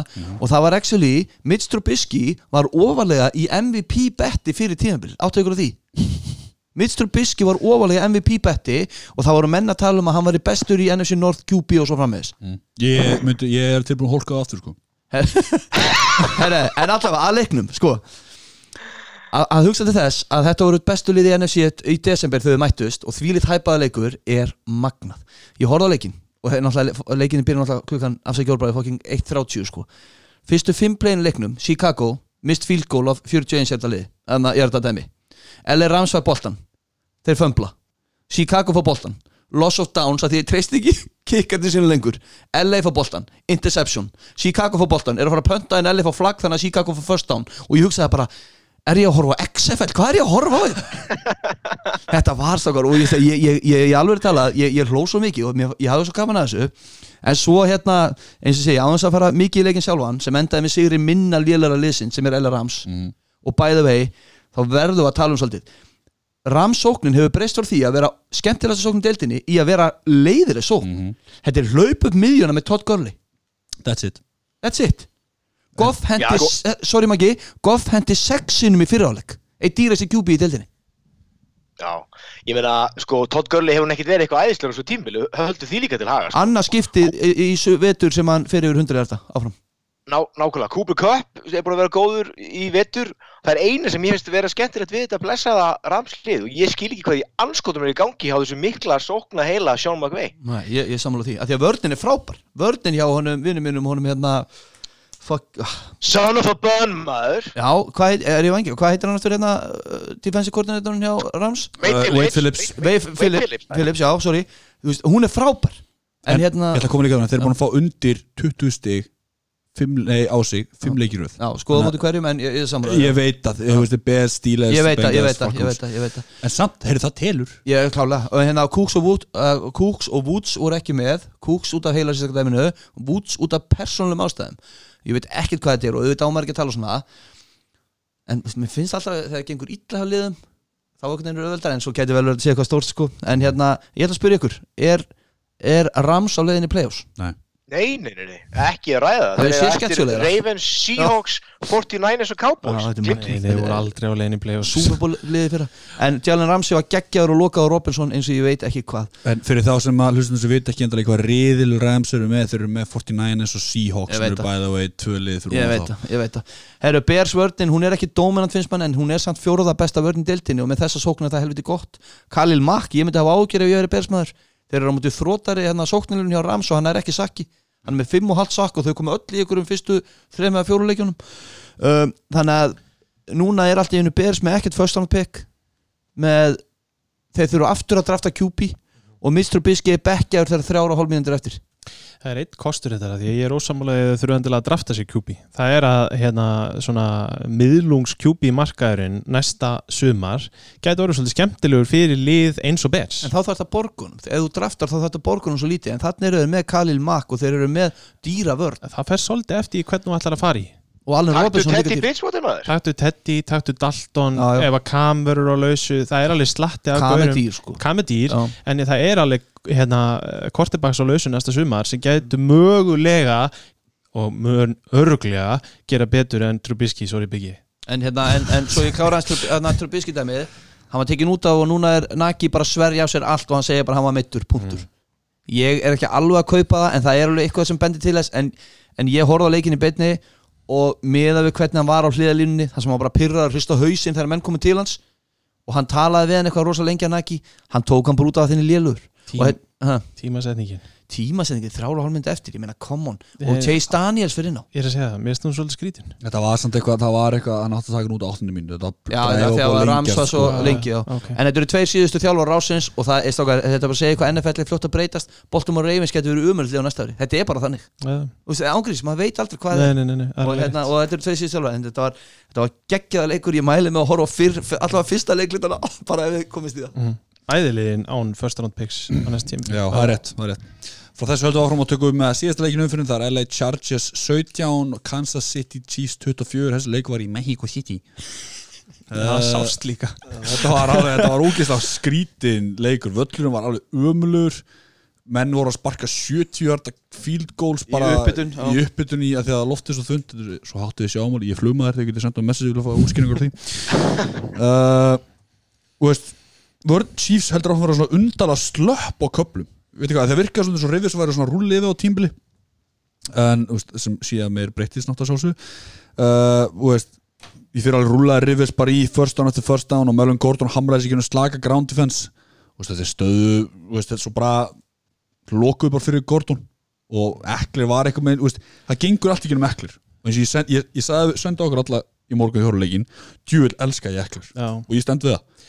Hann er eitt besti hérna, pass catching runnibackin í deildinni það er bara þannig. Mér finnst Melvin Gordon líta vel út í byrjun leiks. Það var, hérna, þeir voru opnað vel fyrir hann og hann lítur miklu betur út en hann gerði þegar hann kom inn. En það sem að kom mér, þessu fyrsta interceptioni hjá Rivers hann er bara lesin. 100% ég horfði á hann og hann er bara, hann er bara stare, stare down vætri receiver, hann, er bara, hann, er, hann er að horfa á einn gaur og hann er, virðist bara vera auðlesin eins og staðan er núna. Búker hérna besti lýsari í, í deildinni. Langt Búker í Football Já, sem er umulugur hann var nýbúin að tala um að zone defense og þá er Rivers bara, heyrðu, zone defense, zone defense og, og þá bara fer hann þangað. Og Chiefs las þetta bara næst. Zone defense, las þetta, boom, Já. interception. Hann leit bara hrikalega ítl út á tímabili tímapunktum en, en þetta geggjaða 50 hjarta handsprengju kast sem hann kastaði á Mike Williams var ógeðslega flott Já. en það duði skamt en hérna, ég á Gordon í Fantasy og ég var mjög spenntur því ég sá að hann með 58 hjarta í fyrsta leikluta hann endaði með, 60, endaði með 69 Já. ha, hann fekk fjögur hlaup í setni, setni hálfleik En ég meina, er maður að fara að vera eitthvað að pep up Chiefs-vörðina sem er búin að vera ömuleg upp og síðkastið út af þessum leik? sko, ég- Nei. nei ok en það var nöðsynlega sögur fyrir Chiefs alveg bara geggjaður. Mm. en af hverju er NFL að henda svona leikjum í Mexiko af hverju er þetta ekki, þú veist, bara Dolphins Dolphins Jets, nei Dolphins hérna Patriots eða eitthvað? Akkur er það eitthvað? Af því sama að og er að leik sem senda skiptir einhver máli. Nei, nefnilega ekki af því að þarna þú ert að henda þeim langt yfir sjáum þetta er allt annað leikur og grasið umurlegt Fyrir Já, ég er fókir Nei, nei, ég veist, nei, ángriðis, þetta þetta er allt annað leikur eins og við segja, þeir voru að taka 70 þetta fílgól fyrir í fyrirháleik nei, hérna í uppbytun, en svo gáttu þeir ekki sparka leiku við fílgól af því að völlunum var svo liður í leiknum. Já, Matti Jinx að þetta feitt á Twitter hann hendi á hérna tí hjarta Twitter síðan okkar að Tyreek Hill pluss Mahomes væri eitthvað í þessu þunna lofti Já, og svo Það meiddist 90 hjartar sem bara mittist Tyreek Hill sem í fyrsta play Já. En, ég er samt skjóta ekki að sína þegar við máum að tala um vörnina og hvort að við höldum að þetta sé svona sá dagur sem við lifnuðu við að þeir hefði alveg geta fengið meira út úr þessu leik Honey Batcher mistaði okkur léttasta interceptioni bara í sögunni Mhm. og svo fömblaði Philip Rivers líka en liðsfélag hans greip boltan þannig að vörnin var alveg aggressív en í hittanum sko gæðilega búin að fá sér til kílanu og með sombreroin yes. uh, Þú veist, já, hins vegi bara Philip Rivers endaði með fjör interceptions í leik. Já. hans tími er bara komin að loku því miður. Að því ég var, að, ég var einmitt að skoða eitthvað hann er, eitthvað sjötta sjöunda seti á, á all time passing listunum hann er líka í sjötta sjöunda seti yfir flest pick sixes. Eftir, pe eftir peppaði fyrir honum í Bears á næsta ári því hann er free agent eftir þetta tíma? En sko ég ætla samt að vera ósámála hann sko. Gæi var með 353 jarða eitt, eitt, eitt touchdown reyndi við fjögur interception. En þessi sóknarlína er bara rust þeir eru ekki að hjálpa honum neitt. Ég meina hann á sjöböld hann getur sett þessi sjöböld í sóknarlínu. Á ekki nýju það er nýju, það er heilt sóknarlína. Hann getur átt vara menn uh, en það sem við ætlum að kendi með þetta bara Travis Kelsey, hann var ekki ekki að þessu leik. Það var frábær. eini sem var að grípa hana Stútaði mér í fantasy, helviti á honum. Já, gott á þig. Uh, Frá þá höfum við lokið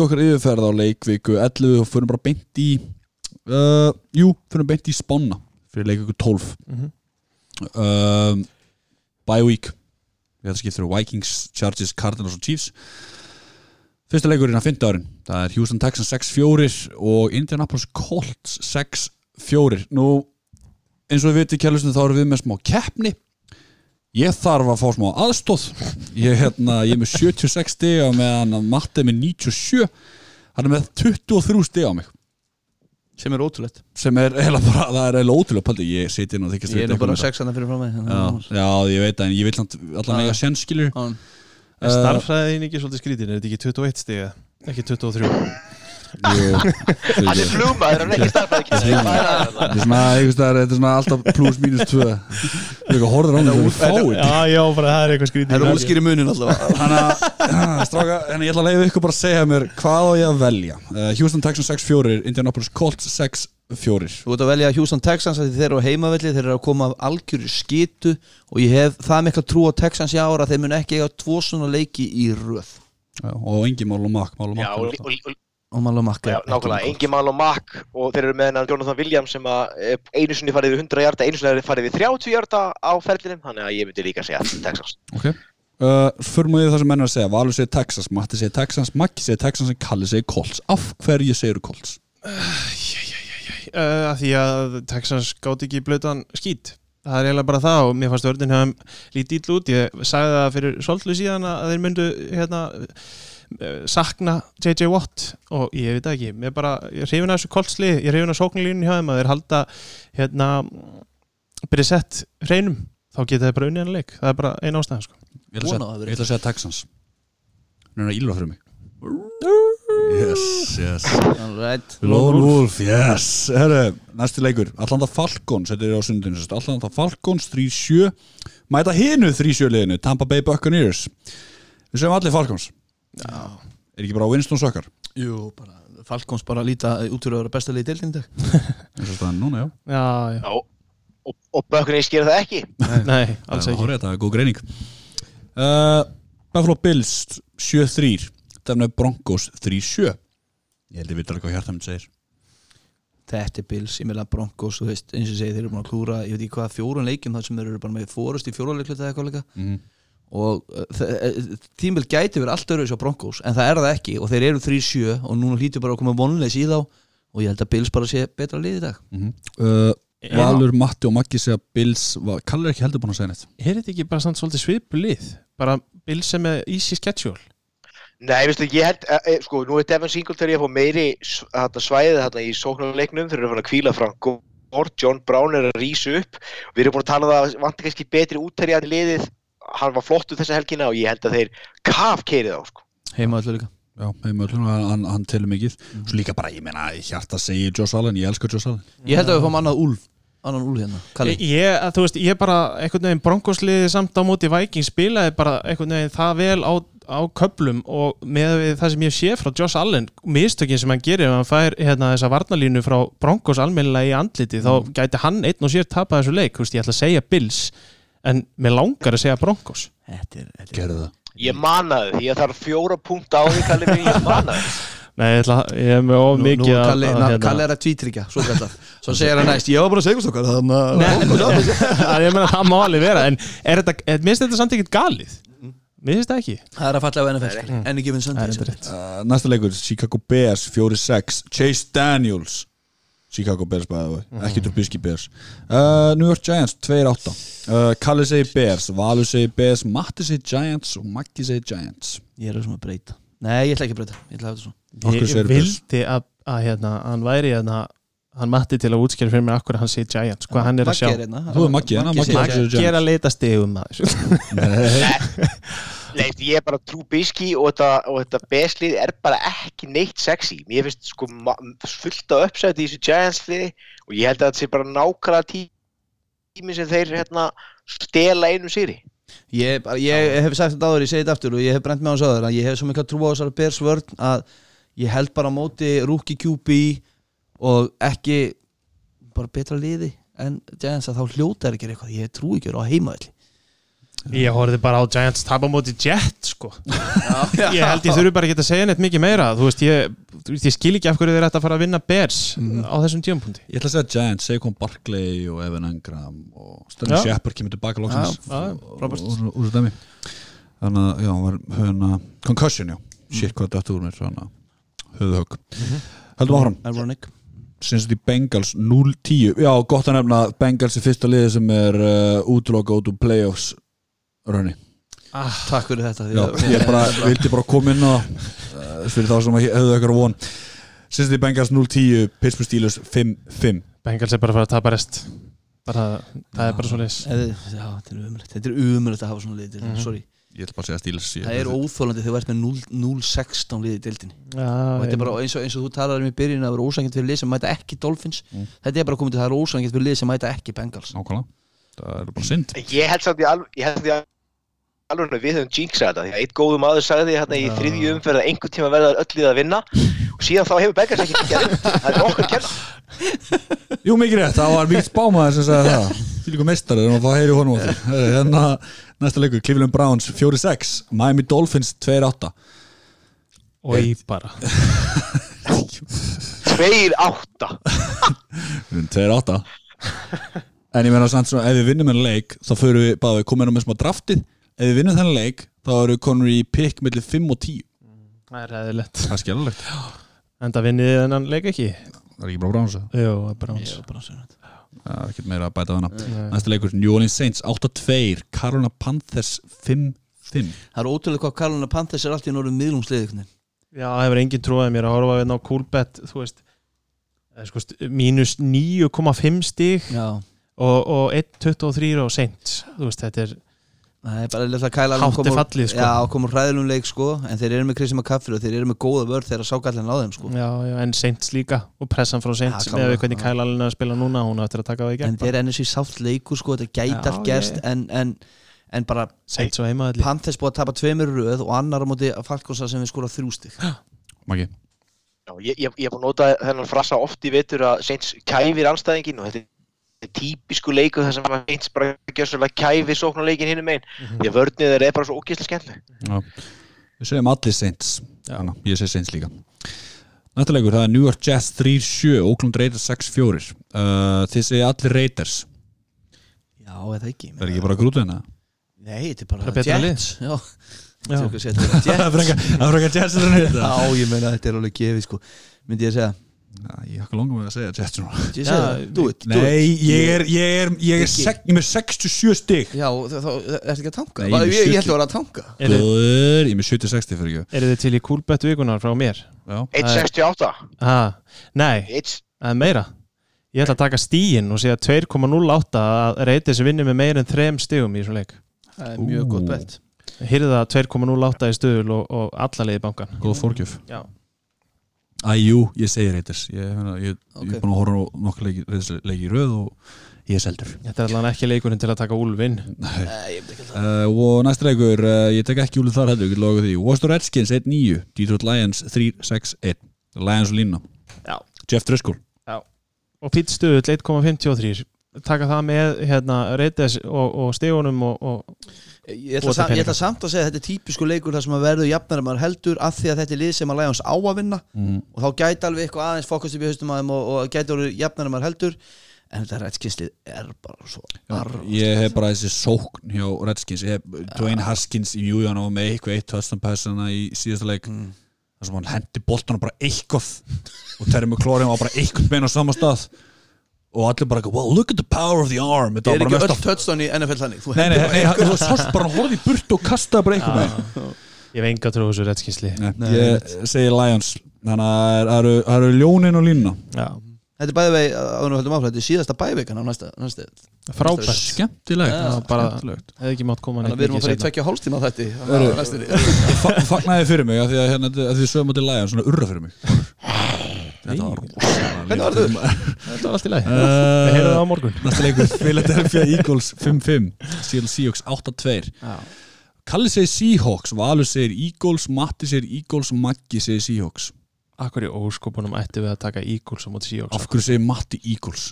Ég sagði líka Eagles En ég, ég er á svona beita, ég veit ekki, byrju, ég ætla að hans að Matti er, án efa bara með eitthvað svifrikur og svo álver í andindan sér núna. Já, hann var að, var að velja þess að leiki rétt á hann í, í, Nei, sko, já, í ég ætla að á velja miðri vakt. Já. Nei, þetta er á heimaöld Eagles og sí, Eagles er með gott lið En að vanta svo Nei, marga Ígos er ekki með gott lið, Ígos er með Þeir eru ömurlegt með, lið þeir eru með og það betra sem lið en, svo, Nei, þeir eru með betra lið en, en rekordi segir. Það sem að, að ég held að Matti sé að kjósa með hjartana það Hann alltaf er nænæsmaður og þetta er sama riðli og hann hatar og Seahawks hann að taka heima öllin. Uh, Eagles er favorites í þessum leik sko.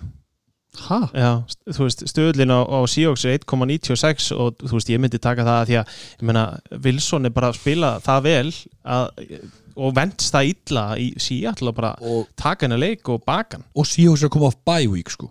Þeir eru að koma á bye week eftir að unni 49ers Eru Seahawks samt ekki lélegasta góða, eh, svona besta lið í dildinni Josh Gordon, er komin í mixið. Já, reyndar, það er góða punktur. Þeir eru geggjaðir. Ég Er bara, er flottu. MVP raunnið þarna en ég er bara mjög spenntið fyrir þeim. Seahawks Otto, ég er hún. Það er eitt, ein spurning með Tyler Lockett það er eina spurningin. Já, hann alltaf fór á spítala eitthvað einhverju með læra á sér. Uh. Josh Seahawks- Gordon, baby. Þeir eru optimistic samt eh, stendur hérna, ég er að lesa bara um að hann spila múti Eagles, Lockett, Ok. það skiptir öllu máli í þessum leik, ég vil bara kalla það strax sko.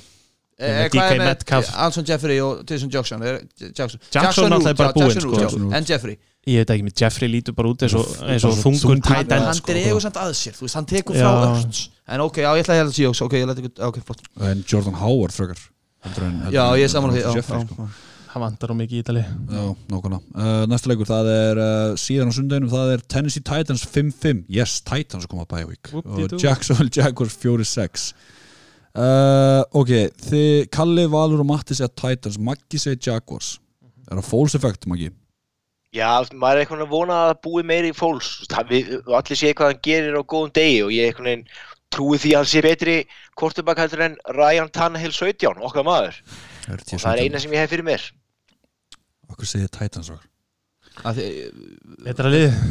Betra lið og, og, og sama ástaf á Maggi sagði hann alltaf ekki að velja Titans að Ræðan Tannæli komin en ekki Markus Mariota. Já, já, ég Veist, ég er ekkert örugum en að leik Þeir eru favorites Titans og ég bara Ég er örg, nei ég er ekki örg Ég er ekki örg með Ég þarf win. Æ, þetta er leikur sem getur fallið báðum megin. Já, ég segi Titans Æ, ég, ég, For, Ég er farin að sakna Minsjú for bara. Nett áttu skelvina fyrir ekki Nei, alltaf, ég var bara að segja að ég saknaði Minsjú Já, ok, Fornett áttu skelvina leik í síðustu umferð Díti Já. Vestbrúk er ekki góður en ég held að hljóta koma núna og kafkera þetta tætaslið sem er ekki nema mediocre rusl. Derek Henry að frá valdi fyrir Maggi Right back at you, sko. Uh, það er- Herru, talandum, er, það má nú alveg nefna það. Fornett á móti, hvað varst að segja? Hvað heitir hann? Derek Henry. Derrick Henry Talandum, hérna, Battle of the Mediocre Running sem, sem, að backs. taka, sem að taka eitt stórt rönn Já. og svo Hvor, hvor þeirra nær 68 hjarta runninu og 99 að rönn í fyrra móti Jaguar Já, já. Jú, jú. Derek Því líka tröllabardaði sem það er stæðstu og Þetta verður gegn bennindis uh, Þetta er getur verið áhugavert fyrir AFC-ið uh, Það er ekki túlileikur vikunar Nei, alls ekki. Uh, Annars sem getur eins og verið Já. túluleika vikuna Það er New England Patriots 9-1 Dallas Cowboys 6-4 uh, Kalli Valur Matti segja Pats Maggi segja Cowboys. Ég, uh, Þetta er alveg algjör 50-50 leikur Ég bara tek heimaöllina neila sko. Ég held að ég tek vörnina.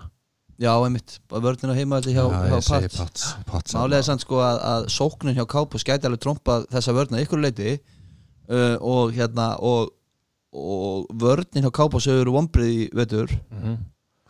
Gekkjaði stöðul 3,45 og hefur trú á Cowboys. Ok, það er óvert Talandi vombri Sorry Maggi, klára það Já, eina sem ég var að hugsa þarna því við tölum um það þegar loksins uh, Pats töpuðu þá var það út á hlaupaleiknum. Ísikil Elliot er hungraður en allt núna hann er búin að hafa tvo leikir undir, undir 50 hjarta og Tony Pollard var flottur í síðasta leik þannig að ef þið jafnvel treyst á að henda þeim hérna, í ykkur svona split carries þarna þá, geta þeir hlaupi í gegnum þessa vörn sem er, virðist vera eina eina glöfan í þessu blessaða liði. Mhm. þess vegna er ég að svona vona það að þeir ná að stela þarna sér í. Já, ég er nefnilega held að ef að Kápus ætla að vinna leiki þá verða þær að hafa hann í höndunum og dakk það er bara, mér finnst Elliot vera í þannig móti í dag sko. Já, líka þegar Jason Garrett var í eitthvað viðtalið að það bara afsökunum því að vera að láta Elliot að hlaupa of mikið Já. eitthvað svona í svona useless aðstæðum. Og leifa að drakka að kasta meira. Ég held að sé akkur leikur sem hann á að svona, Elliot að hlaupa meira. Að því að Ef, ef að sóknin hjá Cowboys er góð í þessu leik þá verður erfitt fyrir Patriots að elda og spenntur. þá er ég að horfa bara ef við viljum fara á eitt bettina það er Cowboys með 6,5 stíð í fórgjöf ég, er- ég, er- og ég er ríkala spennt fyrir Ég sé Patriots ekki vinna á með, með touchdown eða meira. Ég, ekki, ekki eins og þeir eru að spila núna. Já, uh, tvö ombrið annars var leikaskráðan, okkur er bara tvei leikir eftir klúið nýju Það er að því að það var flexað Pakkas Frisko, er það ekki? Jú, ég held að það, ég held að það er sjástæðan flexa honum í, í Sunday Nei, Night flöksuðunum með söndunet Átt hann ekki að vera nýju Eða átt hann kannski að vera sex, ég man það ekki. En, Þetta er en, bara en, en ég, í er, það. ég er samt ánægð með það Því að mér persónulega finnst skemmtilega að horfa á heila leiki En ég geta ekki, ég er oft með gesti og svona að horfa á Red Zone. Já, uh, En Cowboys Patriots er frábær leikur til að horfa á bara einn. Já sammála. Uh, Næsta, næsta ombrið er þessi yfirlýsingi frá Gronk. Var bara að henda comeback og bara, heyrðu, það er party hérna í Miami yfir súbólið Já, Ég pikka hann upp í fjórum deildum Þá færði Axel í bóð í partí. Já, já, því ég var bara, já, let's go. Hann var að redda fantasy hérna, árunum mínu, nei, nei. Í. Það var að túluleikur umfyrirnas Já. Sunday Night. Já, það má segja það. San Francisco uh, 49ers 9-1, Green Bay Packers 8-2 sunnudag prime time. Uh, Kalli segi fuck me. Valur segi Packers, Matti segi 49ers Maggi segi Packers Ég segi Pakkas að því að ég veit alveg hvað segi Packers Maggi alveg segi Nei, Packers Þú veist Ég- ekki hvað valur segir bakkis Ég skil sko. ekki hvað hann segir Nei, bakkis ég var mjög tví- tvist það Ég segi Pakkas að því að Niners eru að glímaði meðsli uh, Núna var Dee Ford að meðast hjá þeim uh, Emmanuel Sanders er tæpur Þeir eru með endalust á Injured, Resource hana Mm. eh, Nei, Injured Resource Á meðsla hana listanum Injured Report að pakka sér ekki með eitt leikmann á injury report ekki eitt að koma bævík við erum að tala um það að pakkas fyrir tímabil skiptu á hérna, strength coach eða svona conditional coach, physical, physical og þeir rákan ekki, heldur skiptu tóku Falkons á þetta og settu hérna gæðins á hann með 2 nummer 1 og gæðins á hann nummer 1 nummer 2 við höfum aldrei verið heilsúrustir Nei. og núna, sem er magna en hérna ég held, þetta er bara algjör 50-50 leikur, jafnir 60-40 fyrir Niners. Ég held bara ég held að pakkar sé með ég þór ekki, ég veit ekki, ég, bara, ég þór ekki að segja þetta. Ég veit ekki, ég segi pakkis. Að því að ég menna næna, hver er búin að vinna? hver, hver er búin ræðu að tapa, hver er búin að tapa fyrir Seahawks, Já. hver er búin að vinna? Allara alla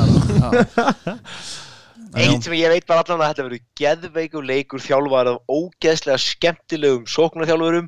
Þannig að búið ykkur undir það bara eiga nóg að helvítis mönsi og sem ég við yfirmann ykkar þegar ég kom í hátteginu á mánudaginn því þetta verður veistlar Ég ætla að segja Packers. Sko, það sem að gæti fokkað pakkis upp er að Kyle Shanahan á móti Mike Patton hérna defensive coordinator, ég er ekkert alltaf viss um það matchup. Ég er nokkuð viss um að Shanahan gæti rústa því sko. Mike Patton er rosalega annarkvort eða. Og líka að við erum með svo lélega middle linebackers eða það er að segja Blake Martinez og svo bara einhver raun og hliðan á honum og þeir eru alltaf að hlaupa og með sterkan tight end leik og ef að Kittul með aðja, ég segi pakkisand uh, Ég er akkur að kíkja hérna Þeir eru með áttundu bestu hlauparinn sko. hver er? Packers Já, ég er að tala með það á bakvið.